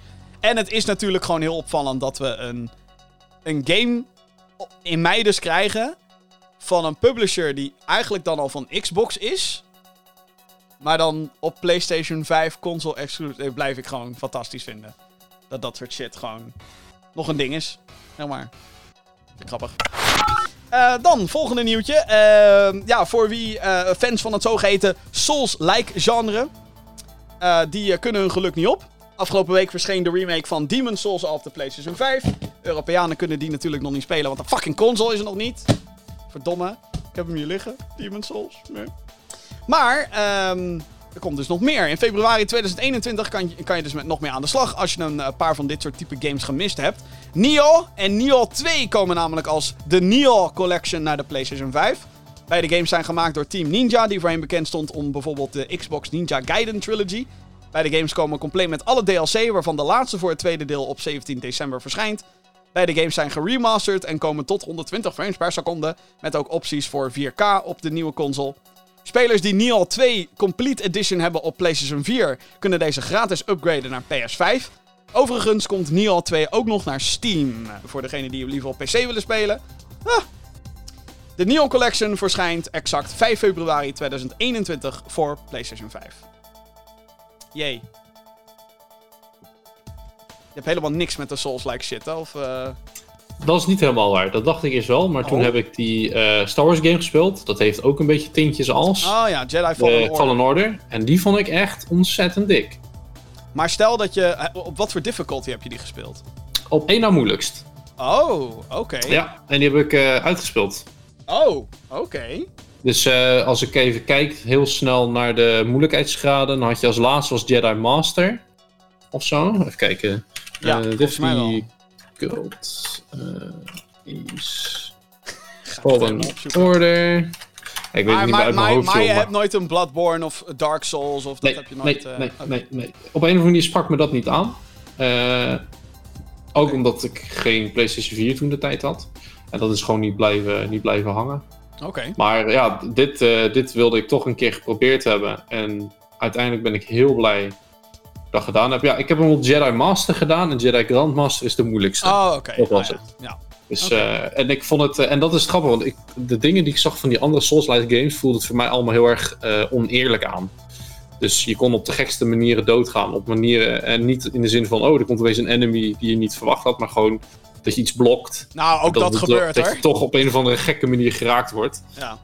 En bij Star Wars had ik dat niet. Het voelde allemaal zo strak en zo goed georiënteerd aan. Dat ik echt had van ja, het is moeilijk. Je moet echt goed timen. Je moet begrijpen wat een enemy doet. En dan kost het soms echt wel, eh, nou, vertellen 30, 40 keer doodgaan bij een bos of zo. Voordat ik door had hoe die dat deed. Maar er zat wel echt een patroon in. En dat Ja. vond ik echt super relaxed. Ik heb wel wat ervaring. Ik vond Bloodborne vond ik echt fantastisch. Alleen nooit uitgespeeld. Heb ik eigenlijk tot de dag van vandaag heb ik daar wel spijt van. Dat ik, dat, dat ik daar nooit heb doorgezet. Dat was mijn, zeg maar, awakening met dit soort van subgenre van third-person actie games. En, ehm, of RPG's, ja, whatever. Eh, actiegames. Ehm, en Dark Souls 3 heb ik ook even gespeeld. Volgens mij heb ik daar zelfs nog een review van online staan. En daar, daar zit ik ook inderdaad. Het is oneerlijk, verdomme. Het is zo moeilijk. Het is gewoon. Eh, Get good scrub. Get good. Ja, dat, was, dat waren ook terecht overigens. Dat waren ook de reacties van. Bro, get good, motherfucker. Ik bedoel, kom nou. Eh, er zijn mensen die spelen die game op een Guitar Hero Ja, gitaar, fuck, naakt met weet- een zwaardje en ze winnen. Jullie zijn ziek met z'n allen gewoon. Het is echt niet normaal. Ehm, maar ja, ik heb heel veel zin in Demon's Souls in ieder geval. Al is het alleen maar omdat die game er echt fucking mooi uitziet. Ehm, ik vind het dan ook oprecht jammer dat er geen easy mode of zo is. This easy mode? Dat dat er eh, niet in zit. Maar ehm, ik vraag me ook oprecht af hoe ver ik ga komen in Demon Souls. Ik heb namelijk gewoon niet heel veel geduld. Het is gewoon echt een. eh, Ik, ja, nou goed. Ik, ik weet je Maar met best Star Wars game had ik dus wel die- dat geduld en heb ik ook echt niet teruggeschakeld. Ja. En ik En hoop de- echt dat snel een deel 2 gaat komen. En de Neo-games, waar het hier om gaat overigens, die schijnen ook echt wel heel erg goed te zijn in dit subgenre. Ook fucking moeilijk. Dus als ik meteen al hoor, het is fucking moeilijk, dan... Eerlijk is eerlijk, dat is voor mij meestal een soort van factor van, nou, dan blijf ik weg. Maar ja, je moet wel een beetje kunnen ontspannen tijdens het gamen. ja, soms is dat dat wel kan daar niet zo goed mee. Nou ja, maar dat is ook bijvoorbeeld bij Call of Duty. Als ik dan te veel ga ragen in multiplayer, dan start ik zombies even op, weet je wel. Dan... Ik moet altijd ook tegen jou zeggen van... Jim, je hebt het wel echt naar je zin, hè? is het niet tijd om wat anders te gaan doen? Echt waar. het Nee, ik vind het echt heel leuk. Ik vind het heel leuk. Fuck, fuck, fuck. Intense game. Het is een hele, hele, hele intense game. Dat klopt. Ja, nee, ik, ik, ik, ben, echt een, eh, ik ben echt een rager. En dat is niet goed. Maar goed, dat, da- daar moet, moet ik mee leven met de rest van mijn leven ook. Doe het er gewoon maar mee. Nee. Een grote lek bij Japanse uitgever Capcom heeft ervoor gezorgd dat nieuwe informatie op straat komt te liggen als het gaat over aankomende games. Zo wordt onder andere door nieuwswebsite VG247 vermeld dat Monster Hunter Rise niet heel lang een Switch-exclusive zal blijven, maar dat deze zes maanden later, in oktober 2021, ook naar de PC komt. Hetzelfde geldt voor Monster Hunter Stories 2, die gaat ook zijn weg naar PC vinden, maar wanneer is niet duidelijk. Daarnaast zijn er een paar projectnamen onthuld. Project Guillotine is een titel die in februari naar Switch moet komen en in mei naar andere platforms. Verder weten we niks. Project Reiwa, als ik het goed zeg. Reiwa. Uh-huh. Daar is niets over bekend en komt eh, in mei. En dan is er Project Shield, een multiplayer shooter die ook volgend jaar moet uitkomen. Verder weten we helemaal niks. Maar als klap op de vuurpijl is er wel veel info gelekt over Resident Evil 8 Village. De game komt volgens de lek naast PC, PlayStation 5 en Xbox Series X ook naar PlayStation 4 en Xbox One, zoals door heel veel mensen al werd verwacht. Eh, de release date zou april 2021 moeten zijn. Dus dat zou dus betekenen dat we in de eerste helft van volgend jaar, aankomend jaar, dus al gewoon de nieuwe Resident Evil kunnen gaan spelen. En dat, Dat is is best eigenlijk. wel wat. Ja. Dus. Overigens was verder deze lek niet heel leuk. Want er waren ook persoonsgegevens van personeel was gestolen en zo. Dus dat was minder fijn. En dat is dan een understatement. Eh, maar ja, dat wij dan dit soort nieuwtjes kunnen meepikken is dan wel weer leuk. Ja, dat is wel een beetje het nadeel van zo'n hack. Ja, dat is niet leuk. Maar ehm, ja, eh, Resident Nou ja, Evil het 8. hack is natuurlijk altijd het nadeel, want het bedrijf wil dat helemaal niet out, out of the open hebben. Dus eigenlijk moeten wij deze informatie ook niet leuk vinden, want de manier waarop is niet leuk. Maar het is wel leuk dat wij weten dat er een game aan gaat komen. Nou, het is in die het is altijd zo'n tweestrijd van... Het is natuurlijk niet juist wat er is gebeurd, maar dat wij het nu weten vinden wij natuurlijk leuk. Maar het is niet leuk voor dat bedrijf. Het is helemaal niet leuk. Nee, en, al he- en het is echt niet tof voor de mensen die zeg maar, aan die game werken. Want die Ja. leven ook naar een moment toe natuurlijk dat dit soort informatie bekend wordt gemaakt. Kijk, dat PlayStation 4 en Xbox One, dan denk ik, nou, dat had je eigenlijk al lang bekend kunnen maken, wat mij betreft. Maar goed, whatever. True, true. Ik ben niet eh, de marketing manager van Capcom. Ehm, maar, ehm, ja, het is, het is eh, ik bedoel, het, het verbaast me ook helemaal niet dat we Resident Evil 8 in april al mogelijk kunnen krijgen. We weten natuurlijk niet of het inmiddels misschien in de tussentijd alweer is uitgesteld. De lek schijnt gebeurd te zijn op 2 november, dus dat is nog wel vrij recent. Hm. Ehm, maar ja, wie weet. Het is eh, inderdaad niet leuk hoe de informatie is vergaard. Maar goed, het is informatie nonetheless. En daarom melden wij het, want wij zijn dappere... wij zijn zielen. Het... Kennis is macht. Ja. dat, ja, ja, ja. Oh, oh, oh. Een financial officer van Microsoft heeft gezegd dat het eh, tekort aan nieuwe Xbox-consoles wel tot april 2021 kan gaan duren. Holy shit. Damn. Volgens Xbox hebben zij hun meest succesvolle launch ooit gehad met hun twee nieuwe apparaten. De Xbox Series S en de Xbox Series X verschenen beide afgelopen week op 10 november. Hebben we het natuurlijk kort over gehad. Zowel de Xbox eh, en PlayStation die kampen beide met grote leveringsproblemen. En het lijkt erop alsof het dus nog wel even gaat duren voordat je makkelijk aan een next-gen console kan komen. PlayStation heeft zelf nog niets bevestigd over nieuwe leveringen. Wie nu een PlayStation 5 probeert te bestellen bij webwinkel Netgame staat genoteerd voor een levering in maart 2021. Holy shit. Ehm ja.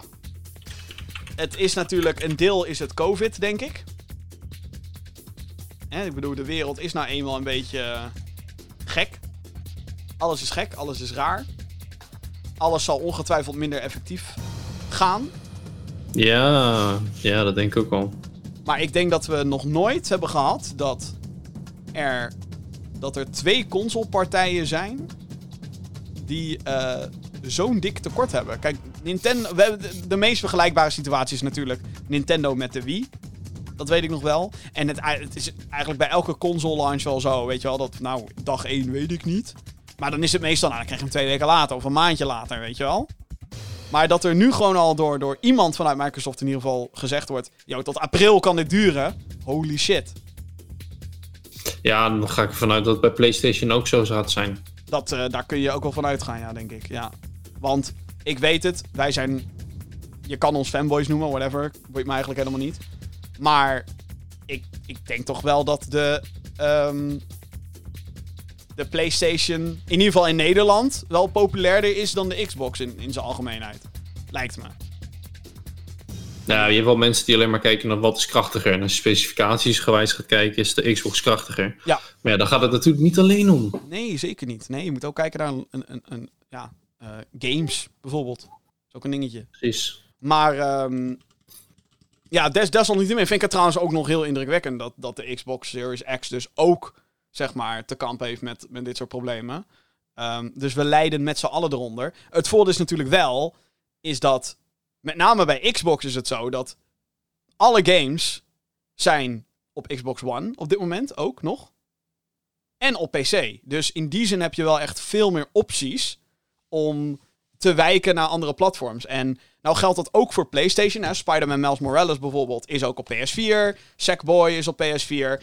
Maar ja, Demon's Souls is dan weer alleen voor PS5. Dus alsnog, da- daar is het denk ik wat... da- daar daar is het, als je echt zeg maar je verheugt op PlayStation 5 en je wilt Demon's Souls spelen, dan doet het wel zeer. Maar Ja, precies. zelfs dan. Ik bedoel, het, het- en dat is altijd bij een console launch. Je hoeft een console niet per se op dag 1 te hebben. Kijk, ik wil dat. Want ik ben een Ja, ik weet ook wel dat het toen bij de Wii en bij de PlayStation 3, dan was het ook niet dat je allemaal tegelijk op de eerste dag dat kon halen. Maar je had wel sneller de kans om hem alsnog te halen. Ik weet En nu eh, dat- merk je gewoon met heel veel producten, ook met grafische kaarten, met processoren, hè, want dat ligt mij heel dicht bij mijn hart. Ook de PlayStation 5. Je merkt gewoon dat het wordt een, een strijd. Ik denk dat je op een bepaald moment zelfs mensen op straat gaat krijgen die elkaar de nek om gaan draaien voor zo'n console. of heel veel geld aan elkaar gaan betalen. Nou, dat gebeurt dus al. En dat vind ik, dat, dat is eigenlijk het meest kutte aan tekort. Dat Ja. de mensen die er het meeste pro van profiteren, zijn die motherfuckers die eh, dan wel met bots of dan wel gewoon heel veel consoles voor zichzelf weten te strikken. Om dan vervolgens die shit te gaan verkopen online voor het vierdubbele. Want er zijn volgens mij al PlayStation 5's op eBay gespot voor fucking 2000 euro. Ja. En ja, fuck die mensen, weet je wel? Fuck die mensen. Ik begrijp dat je er iets aan wil verdienen als je er heel veel moeite voor hebt gedaan, maar dit eh, slaat nergens op. Ja, het staat echt nergens op. Je, je- de- wie, doe je er nou... Ja, jezelf doe je er een plezier mee. Ja, dat is het enige, je, je portemonnee. En dat, maar dat heb ik trouwens altijd raar gevonden aan Nintendo-strategie, in die zin.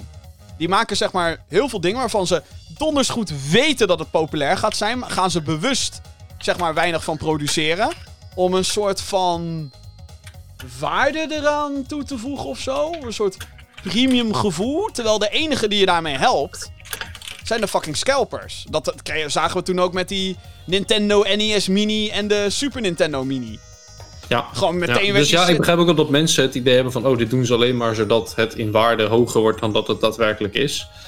Maar in dit geval, zeker met COVID erbij, denk ik niet dat dat de enige reden is. Want ze houden zelf de prijzen wel zoals ze horen te zijn. Het zijn de, de scalpers en de Amazons en de eBay's waar die prijzen extreem de pan uitreizen. Sterker nog, omdat de consoles natuurlijk werken dat als jij een game koopt voor die console, dat een deel van het geld wat jij in die game stopt, gaat ook naar de platformhouder. Dus ze willen natuurlijk die consoles aan zoveel mogelijk mensen kwijt.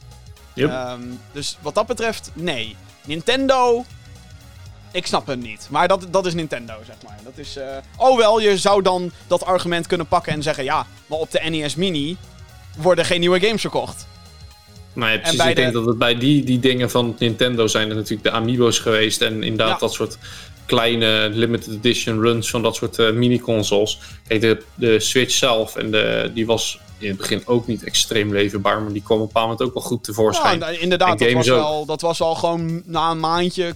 Kon je, als, als je het echt wilde, kon je er wel echt gewoon eentje krijgen of zo. Dus dat was inderdaad. eh, dit is wel echt extremer en groter. Mhm, mhm. En ehm, nou, laten we hopen gewoon, jongens, we moeten er met z'n allen uit. We moeten met z'n allen, hè? Gewoon zorgen dat het allemaal verdomme een beetje beter gaat, man. Hou afstand, was je handen, dat soort shit. Nou, ik dacht dat je ging zeggen, we gaan de PlayStation die jij krijgt eh, met een groepje Gaming Geeks delen. Dus elke week een ander. Eh, wat? Nee.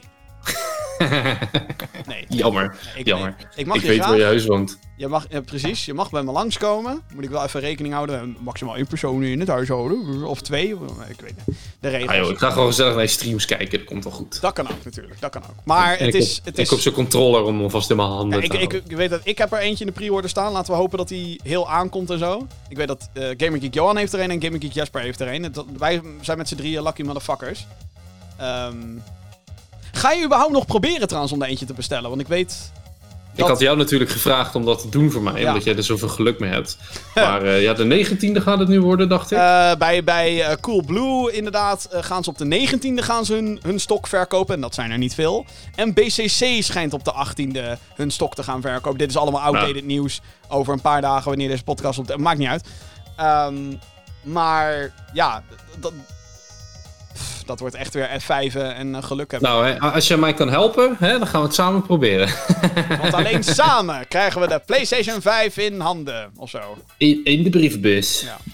Nou ja, ik heb dus ook al voor Jeroen geprobeerd zijn processor te bestellen. En ik, ik vind het Ik heel... ben heel erg benieuwd voor later. Hè? Na de podcast moet je me maar eens even vertellen op welk nummer ik vandaag sta. Oh, voor die processor. Ik denk Ja, dat doe je dat maar niet in de, in de stream, want dan ga je reetjes horen. Ik denk, ik denk niet dat je heel veel... ehm, Nee, volgens mij is er niks Lekker. geleverd nog deze week. het is echt... Ook celcomputer... al- Alles, alles, he- eh, alles heeft vertraging, jongens. Oké, ehm, dan ander nieuws. Eh, laatste nieuwtje van vandaag. Take-Two heeft namelijk uitgever en de studio's van Codemasters overgekocht. De publisher staat voornamelijk bekend om eh, zijn verschillende racing franchises. Zo brengen zij elk jaar de officiële Formule 1 game uit. En kwamen ze vorige week nog met de racing game Dirt 5. Voorheen deden ze ook nog andere genres en dus ook franchises. Zo kan je misschien nog wel eh, Overlord herinneren. Dat is wel lang geleden inmiddels hoor. Dit is een game eh, van Nederlandse bodem. Alsmede first-person shooter Body Count en de tactische shooter Operation Flashpoint. Nogmaals, het is allemaal heel lang geleden, dus ik blame je helemaal niks als je denkt, waar de fuck heb je het over? Take-Two die staat bekend als een bedrijf boven andere grote gaming-entiteiten, zoals 2K, Rockstar en Private Division. Voor het Britse bedrijf legt Take-Two 840 miljoen euro neer, naar schatting. Het is niet bekend of Codemasters volledig opgeslokt gaat worden door een van de eerder genoemde namen, of op zichzelf blijft opereren, alhoewel die laatste optie wel het meest logische lijkt. Dus, Nee, ik zit even te kijken, want ik heb dus vroeger best wel games van hun gespeeld. Ik ja, dus Codemasters was wel echt een naampie hoor. Want ik, eh, Touring Car Challenge, was dat hem? Of Colin McRae Grid Rally? hebben wij volgens mij nog gespeeld. Hm? Ken je dat nog? Grid is ook van hun. Ja, maar dat vond ik dus een hele vette racing game. Maar zo, ik heb ooit ook een keer, heel lang geleden, ver, ver verleden, hadden ze een shooter game uitgebracht. Nou, dat was echt eh Was dat Clive, stond. wat was Clive Barker's Jericho toevallig? Nee, nee, dat was het niet. Het was eh, volgens mij een Tweede Wereldoorlog game. Operation eh, eh, Liberty Point of zoiets? Iets in die trant? Was het, Het zo? was in ieder geval echt super bad. Maar ik denk dat ik gewoon weet welke je bedoelt. Dat is echt erg. Eh Liberty... Ik google het gewoon even. Point Game of zo. A Turning Point Fall of Liberty. Was dat hem? Ja, dat zou zomaar kunnen, ja. Ja, het was een Codemasters game. Ja, ja. Maar die was niet zo goed. Eh, en ik heb op de PlayStation 1 heb ik een game van hun gehad. Een race game. Toka Touring Cars of zo. Ik weet niet zeker of dat hem is. Ja, dat was inderdaad die Turing Point. Dat was de game die, eh, die zo slecht was. Maar goed, de laatste jaren doen ze wel echt goede business. Ik hoor echt alleen maar positieve Ja, ja, ja. verhalen over die F1-games. ik ben zelf helemaal niet van de Formule 1, dus mijn interesse ligt daar helemaal niet. Eh, maar Rockstar en eh, eh, Take-Two, dus wat daarboven zit, die zijn wel een beetje op een buying spree de laatste tijd. Want Rockstar heeft als zijnde Rockstar een studio overgenomen, Ruffian Games. Dat zijn de makers van eh, Crackdown 2, lang geleden.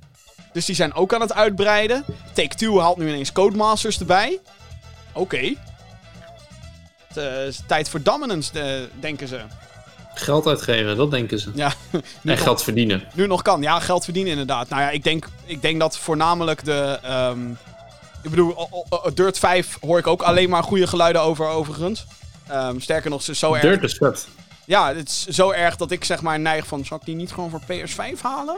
Weet je wel, met die, met die adaptive triggers en zo. Ik hoor dat dat allemaal super vet is. Dus... Misschien dat? Ja, zal wel 65 euro, weet je wel. Nou, het is gewoon een beetje een beetje vuiltje. Maar nou, wie weet van dat... ah, Ja, die controle gaat ook echt wel ding worden voor de PlayStation 5. Als het echt zo werkt zoals mensen Ja, zeggen, dan denk ik, nou, dat... eh, Het schijnt dat dat dus echt gewoon de next-gen factor is, hè. Voor, voor de PlayStation dan. De, de controller. ik ben benieuwd. Ik ben benieuwd. En donderdag kijken. Please, laat hem donderdag gewoon binnenkomen, please. Ik bid tot de PostNL. Ik weet niet wel... Ja, ik wou net zeggen... Oh, sorry, bij PostNL hebben we het zo druk. We kunnen hem eh, volgende week wel slepen. Nou, dat is dus het erge. Ik had dus eh, de, de, de, de games van de PlayStation 5. Die kwamen dus een dag later binnen. Dankzij PostNL. En dan krijg, zit je de hele dag zit je soort van naar je mailbox te kijken. En ben je aan het, met een half oor ben je aan het luisteren of je deurbel gaat. Ik haat dat, weet je. Dat haat ik echt gewoon. Van, oh, je pakketje komt tussen 8 en 18 uur binnen. Hallo, dat is fucking 10 uur. Hè? Ehm, maar goed, deze passen dan door. eh, of de, althans, die games passen door de briefbus. De PlayStation 5 niet. en als je dat wel doet, dan is er iets mis met die PlayStation. Ehm, maar. ehm, dus op zich was dat geen ramp of zo. Maar dat werd vertraagd. Dat kwam gewoon een dag later dan dat de bedoeling was. En toen had ik dus getweet naar PostNL van... Hey, het PostNL, hartstikke leuk. Hè? En nu is het allemaal geen ramp. Hè? Dat pakketje dag later.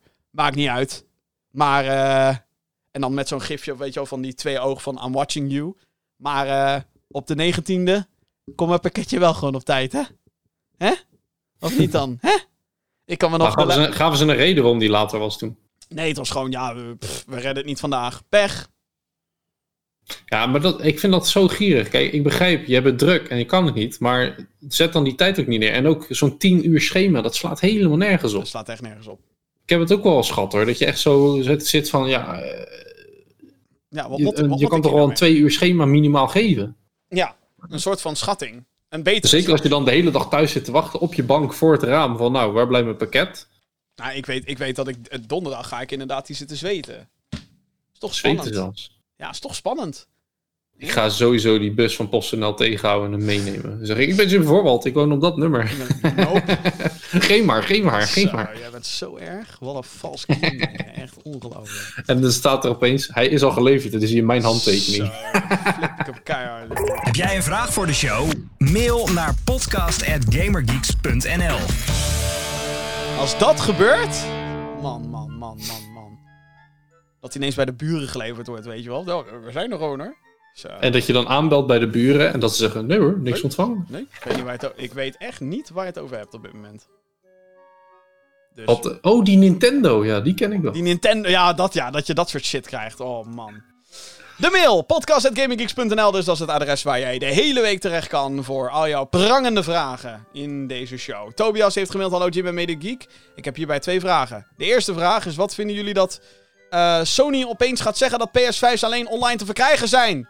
Ik voel me hier erg genaaid door, omdat ik hem bij een plaatselijke gameshop heb besteld. En stond zelfs op de eerste plaats. Maar kan denk ik eh, toch pas rond februari aan de gang met Spider-Man. En Ehm, nou, is het niet zo dat dat soort mensen hem gewoon thuis gestuurd Ja, krijgen vanuit de hem- winkel? als je hem hebt besteld ehm, bij een webshop dan, en, en je hebt een soort van bevestiging van ja, dan kan je hem gewoon like, krijgen. Dan moet je hem binnenkrijgen. Ehm, en ze gaan de bestellingen gaan ze dus online doen. Dus dan moet je online moet je die shit fixen. En de reden waarom ze dat doen, onder andere, is door, daar zijn we weer, magische woord, corona. Want anders gaan mensen fucking in een rij zitten. En je weet, zeker als er heel weinig PS5 zijn. En je hebt mensen die dus, de mensen die zeg maar in een rij gaan staan en gaan kamperen voor een deur. Eh, weet je, en ik snap het, je kan passie hebben voor zoiets. Heel veel passie. Heel veel passie. Ehm, ja, dat helpt de boe dan niet echt natuurlijk. Ik snap wel dat ze dat willen vermijden. Wereldwijd. Want dat is ook de, de grap natuurlijk. Dit is een wereldwijd probleem. Ehm, en ja, de meeste zijn toch al online verkocht. Dus ja.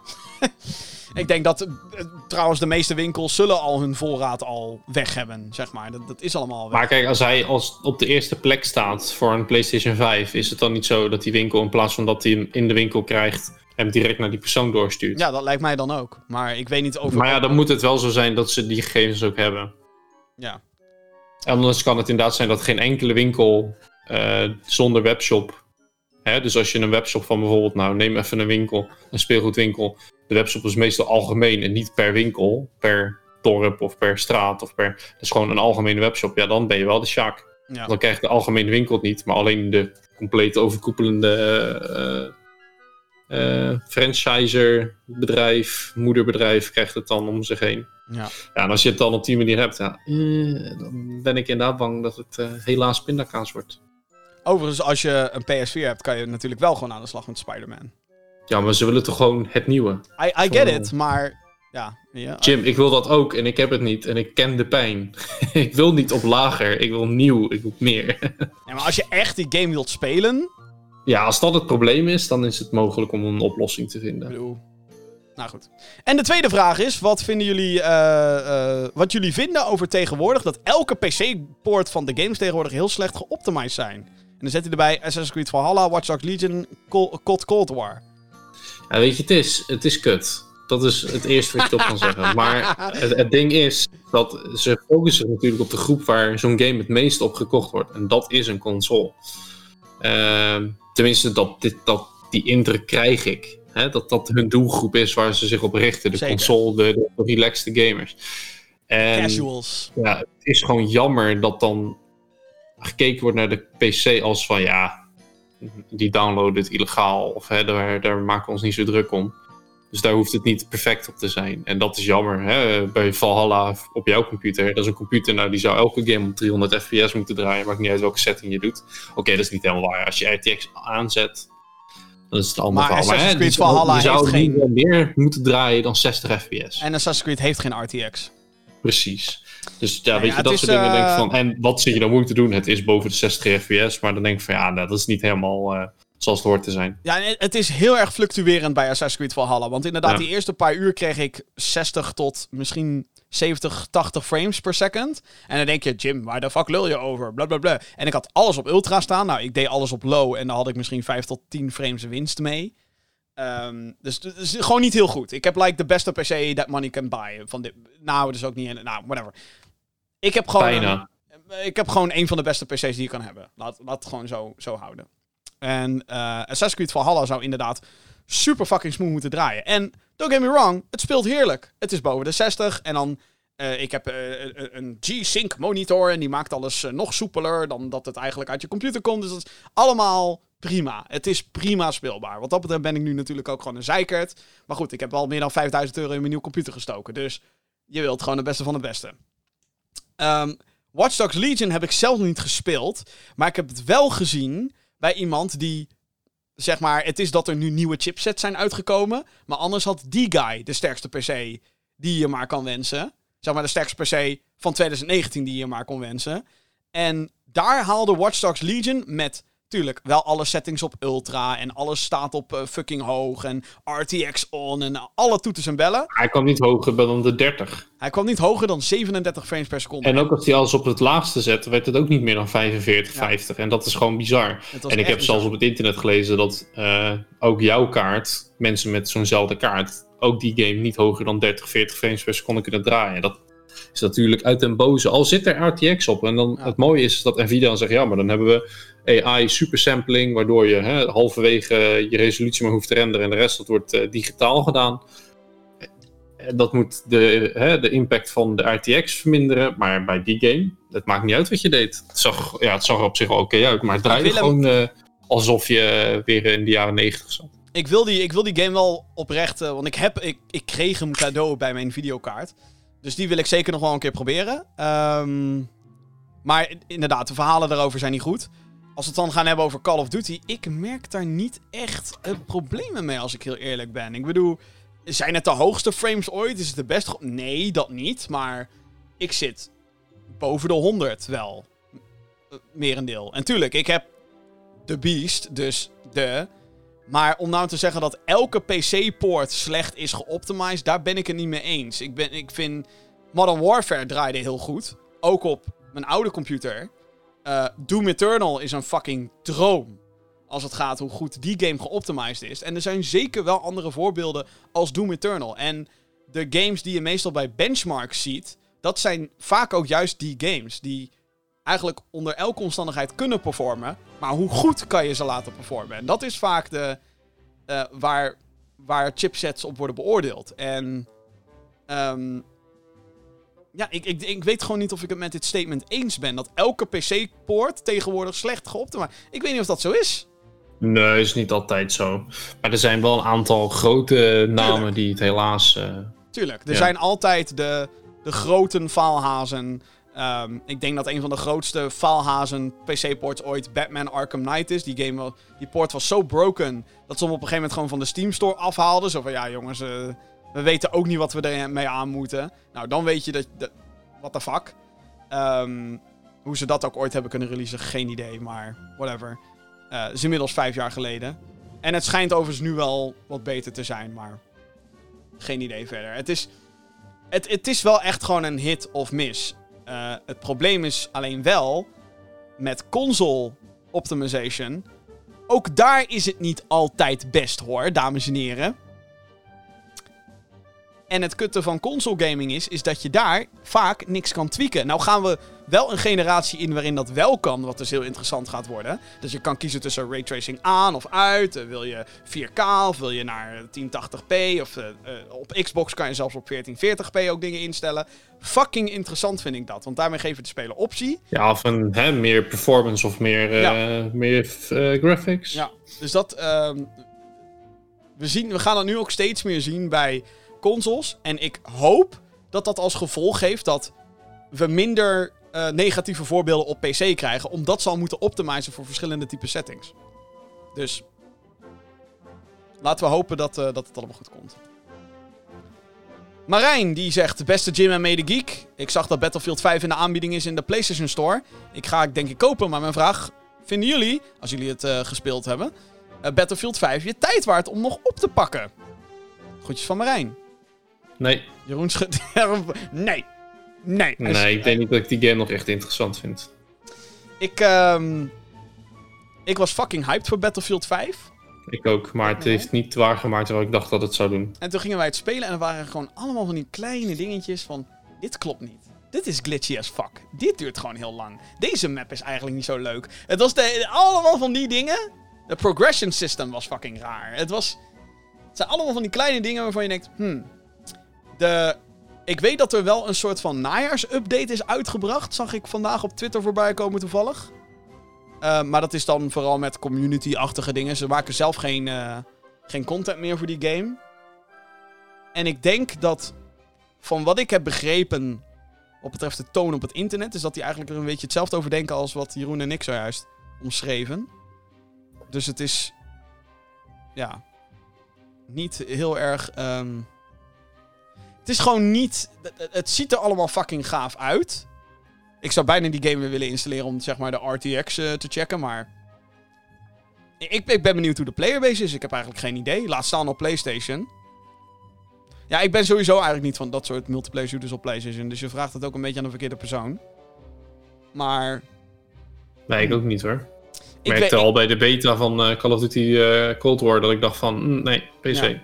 Ik, eh, ik, zou- ik zou zeggen. ehm, eh, ga even naar, naar, naar de Battlefield subreddit. En, en check een beetje op social media. Wat de fanbase van de game op dit moment vindt. En hoe erg fan ben je zelf van die games? Ja, Kan je door de problemen heen kijken? precies. En als je dan zoiets hebt van. Ik vind Battlefield ook. Maar eh, elke game is leuker met vrienden. Maar ik denk dat juist Battlefield een game is. Laten we met de squad, zeg maar, de Battlefield opgaan. Nee? Oké. Ehm of wel? Nee. Oh, nee, ik ga die game niet meer met squad spelen. Nee, maar Ga gewoon als lekker je, nee, ik heb het over als je een, een Battlefield game speelt. Dat is toch Oh ja, dan moet je met vrienden spelen. Ja. Ja, Heb je al zin in Battlefield 6, kan man? Want die komt, als het Nee. goed is, eind vol... Ik weet er nog te weinig van. Ja, oké, ja, dat is waar. Behalve Ik dat, moet er, eerst meer zien en dan, eh, dan weet ik wat. behalve dat er natuurlijk een nieuwe komt en dat dat hopelijk volgende week gaat gebeuren. Ja. Ja, nee, dat is goed. Een beetje voorzichtig zijn. Moeten we allemaal wel eens doen. Mailbox minigame. En dan hebben wij een nieuwe mailbox minigame gekregen. Wederom van Ruben. Die eh, was lekker op dreef. Die zei eh, vorige week ook al: eh, hey, ik heb een mailbox minigame en nu heeft hij er weer. Ja, het principe van de mailbox minigame is simpel. Verzin een spel die wij in de podcast makkelijk kunnen spelen met jouw input in de, in de mail, podcast.gaminggeeks.nl. En dan gaan wij die spelen. En het, het- het- toch wel het, het, het, het populairste spel is de, dit, ditjes of datjes.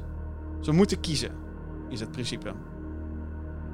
Waarvoor bedankt Ruben. Oké, laten we beginnen met de mailbox minigame van vandaag. En als je trouwens eh, geen antwoord hebt, kan wel, dat kan ook. Hè? Dat kan gewoon. Dat is gewoon... Vind ik logisch ook. Als dat zo is. Anyway. ehm, eerste. Silent Hill 2 of Resident Evil? Origineel. Re- Resident Evil, denk ik dan. Ja, het schijnt dat Silent Hill 2 echt fucking goed is. Nooit gespeeld. Dus dan ga ik Nee, over- daarom. Dus dan, omdat ik Resident Evil meer bekend mee ben, denk Ja. ik dat dat eh, mijn keuze is. Deze is lastig. God of War of Horizon Zero Dawn? Eh, God of War. Oeh, ik denk dat ik ook voor God of War ga. Wat? Ik moet de nieuwe nog spelen op de PlayStation. Dat ga ik ook zeker doen. Of op 5 of op 4. Dat moet ik nog even zien. Ik Denk 5. Wat? Maar Wat? eh, wat ik daarvan gezien heb en wat ik van Horizon heb gezien, spreekt God of War me meer aan. Ja, ik heb ze beide dus wel gespeeld. De nieuwe ook. Ik denk ook dat, dat, dat eh, Ruben hier de nieuwe mee bedoelt, denk ik. Maar dan alsnog God of War.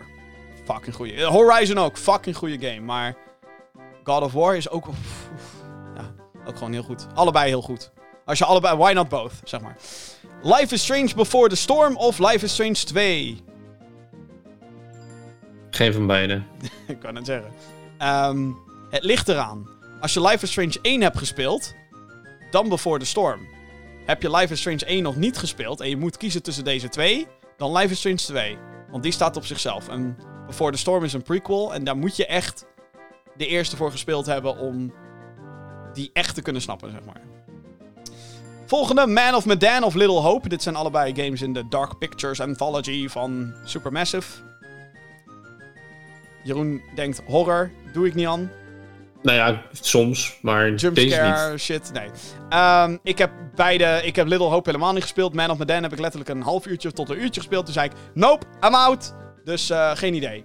Zal allebei waarschijnlijk heel goed zijn. Dead Space of Alien Isolation?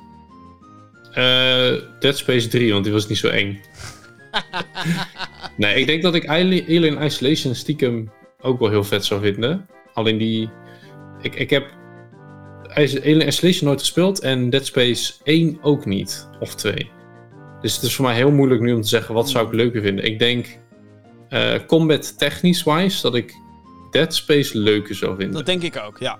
Dead Space is eigenlijk een soort Resident Evil 4 in space. Dus ja, het is creepy, Precies. maar het is niet... En er zijn wel een paar cheap-ass jumpscares, maar... Ja, maar dat overleef ik wel. Maar ik, bij mij is het altijd als je in een, zo'n horrorgame niks kan doen om jezelf te verdedigen. Neem Ah, ja. een Outlast, neem een Amnesia. Dan, dan ben ik zo hyper eh, gevoelig voor alles wat er omheen gebeurt. Maar in zo'n game, ja, dan schrik je. Maar dan schiet ik ook degene die dat doet helemaal naar de kloot. Ja, precies. Ja, nee, Dead Space is echt fantastisch. Ik vind Alien Isolation is wel een fucking goede game. Maar. eh, en daar kan je ook jezelf verdedigen tegen de alien. eh, gek genoeg. Ja, Alleen maar het- effectief wil ik het niet noemen. Nee, nee, nee, nee. Je kan het niet like killen. Het is niet zo. eh, Nee. Je kan hem wegjagen. Dat is wat je kan doen. Precies, Ehm. en anders een- dan naait hij je nog alsnog. Dus eh, Nee, kijk, als ik overal moet gaan, ga ik ook gewoon voor Dead Space. Want dat is zo'n goede game. Hey, EA. Remaster? maar hij schijnt wel echt heel goed te zijn, die Isolation. Ja, nee, die is ook heel goed. Ja. Oké, next. Bioshock of Half-Life? Als we Bioshock, Bioshock, ja. Ik heb meer gevoel met Bioshock dan met Half-Life. Zeker omdat het zo lang nu geleden is, Half-Life. Als we uit moeten gaan van gewoon de game die je benoemt, dus Half-Life 1 of Bioshock 1, Bioshock 1. 100%. The Witcher 3 of The Elder Scrolls 5? Skyrim. Witcher 3. Ik heb The Witcher 3 nog nooit gespeeld, maar als ik nu, en Skyrim wel, dus wat dat betreft is het weer zo van, eh, maar als ik nu zeg maar zou, als je nu die twee games voor me zou leggen, welke wil je spelen, dan zeg ik Witcher. Toss a coin to your Witcher, ook al zit het er niet The Witcher is echt nice. Fallout New Vegas of The Outer Worlds? Ik denk voor moderne publiek The Outer Worlds. Want Fallout New Ja, Vegas is briljant, maar wel heel ouderwets inmiddels. Max En ik Payne. heb New Vegas niet gespeeld, dus ja. Ja, ga je weer. Max Payne of Mad Max? Max Payne. Easy, Max Payne. Tuurlijk. Max Payne, jongens. Max Payne is fucking gruwelijk. Max was ook een leuke game trouwens, maar niet uitzonderlijk goed. Max Payne, nog steeds. Fucking goede game. Goed verhaal ook. Niet de film, de game. En de laatste, Uncharted 4 of Rise of the Tomb Raider. The Rise of the Tomb Raider, want Uncharted 4 heb ik nog niet gespeeld. Ehm, deze Ja, ik vind het allebei hele vette franchises, maar Ja. als ik specifieke games zeg, ja, dan de Tomb Raider. Eh, ik vind deze heel lastig, want ik vond Uncharted 4 heel erg vet, maar tegenvallen ten opzichte van 3 en 2. Mhm. En Rise of the Tomb Raider vond ik ook heel tof, maar weer te veel van hetzelfde in vergelijking met die voorganger, en dat was Tomb Raider. Ehm.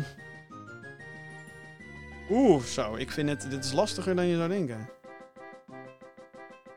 Ik denk.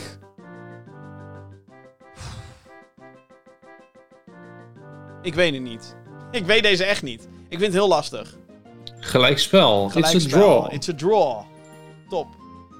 Nou, dat was de mailbox minigame van, eh, van deze week. Hoppa. Dankjewel Ruben daarvoor. En dankjewel natuurlijk allemaal voor het mailen naar mail at, eh, eh, podcast.gaminggeeks.nl. Dat was een podcast.gaminggeeks.nl. Als jij dus ook een, mail, een vraag hebt voor de show, laat het dus weten via podcast.gaminggeeks.nl. Hè, zijn we bijna aan het einde gekomen van deze 151ste aflevering van de Gamer Geeks podcast. Maar, niet voordat ik je heb verteld, dat we allerlei vette content hebben op gamergeeks.nl. Dat is de website waar je onder andere deze podcast kan vinden. Maar ook al onze andere content. Zoals het laatste nieuws. eh, we schrijven de nieuwsberichten. We posten al onze content. Onder dus deze podcast. En meer. Zoals bij een unboxing van Assassin's Creed Valhalla. De Collector's Edition. Ik heb hem. En wat vind ik ervan? Ga checken. We hebben ook eh Gamer Geeks Next Gen, een overzicht van alle eh, grote games die voor elke console uitkomen. We hebben dus al een aflevering online staan over de Xbox Series X launch titels. Het was niet heel best, maar als je een overzicht wil, hij is er. En er komt natuurlijk een aflevering over de launch line-up van de PlayStation 5. Want ook die staat deze week te wachten. Oeh, oeh, PlayStation 5, epic shit, epic, ha, ha. Ja, met een eh, kleine cameo van mezelf erin, want ik heb natuurlijk het intro van The Next een beetje aangepast. Oh, wow. yeah! Yeah. Eh, en er komt natuurlijk eh, nog meer content aan. Want hey, ik krijg een PlayStation 5 binnen. Die moet natuurlijk geunboxed worden. Dus als je de meest klungelige unboxer van de wereld eh, een PlayStation 5 wil zien unboxen. ehm, ik voorspel niet veel goeds voor mezelf. Hoe ik het ga doen. En ja, ik heb er al over geraged in deze show. Maar de review van 13, de remake, gaat er zeker komen. Hij is uitgespeeld. Ik heb mijn oordeel klaar. Het wordt een scheldpartij van hier tot aan Tokio en beyond. Dus Dat gaat, goed, gaat helemaal goed komen. Ja. Weer leuke, leuke dingen om te zien. leuke, leuke dingen. Wordt heel leuk. Heel Anyway, leuk. eh, en natuurlijk, vergeet natuurlijk niet te abonneren op deze show via je favoriete podcastdienst. En je te abonneren op het YouTube-kanaal, youtube.com slash gaminggeeksnl. Jouw support is meer dan welkom. Sterker nog, ik ben er hartelijk, eh, of heel erg dankbaar voor. Bedankt. Goed, tot zover. Bedankt dat je er weer bij was voor deze 151ste aflevering van de Gaming Geeks podcast. En uiteraard, zoals altijd, graag tot de volgende keer. Da.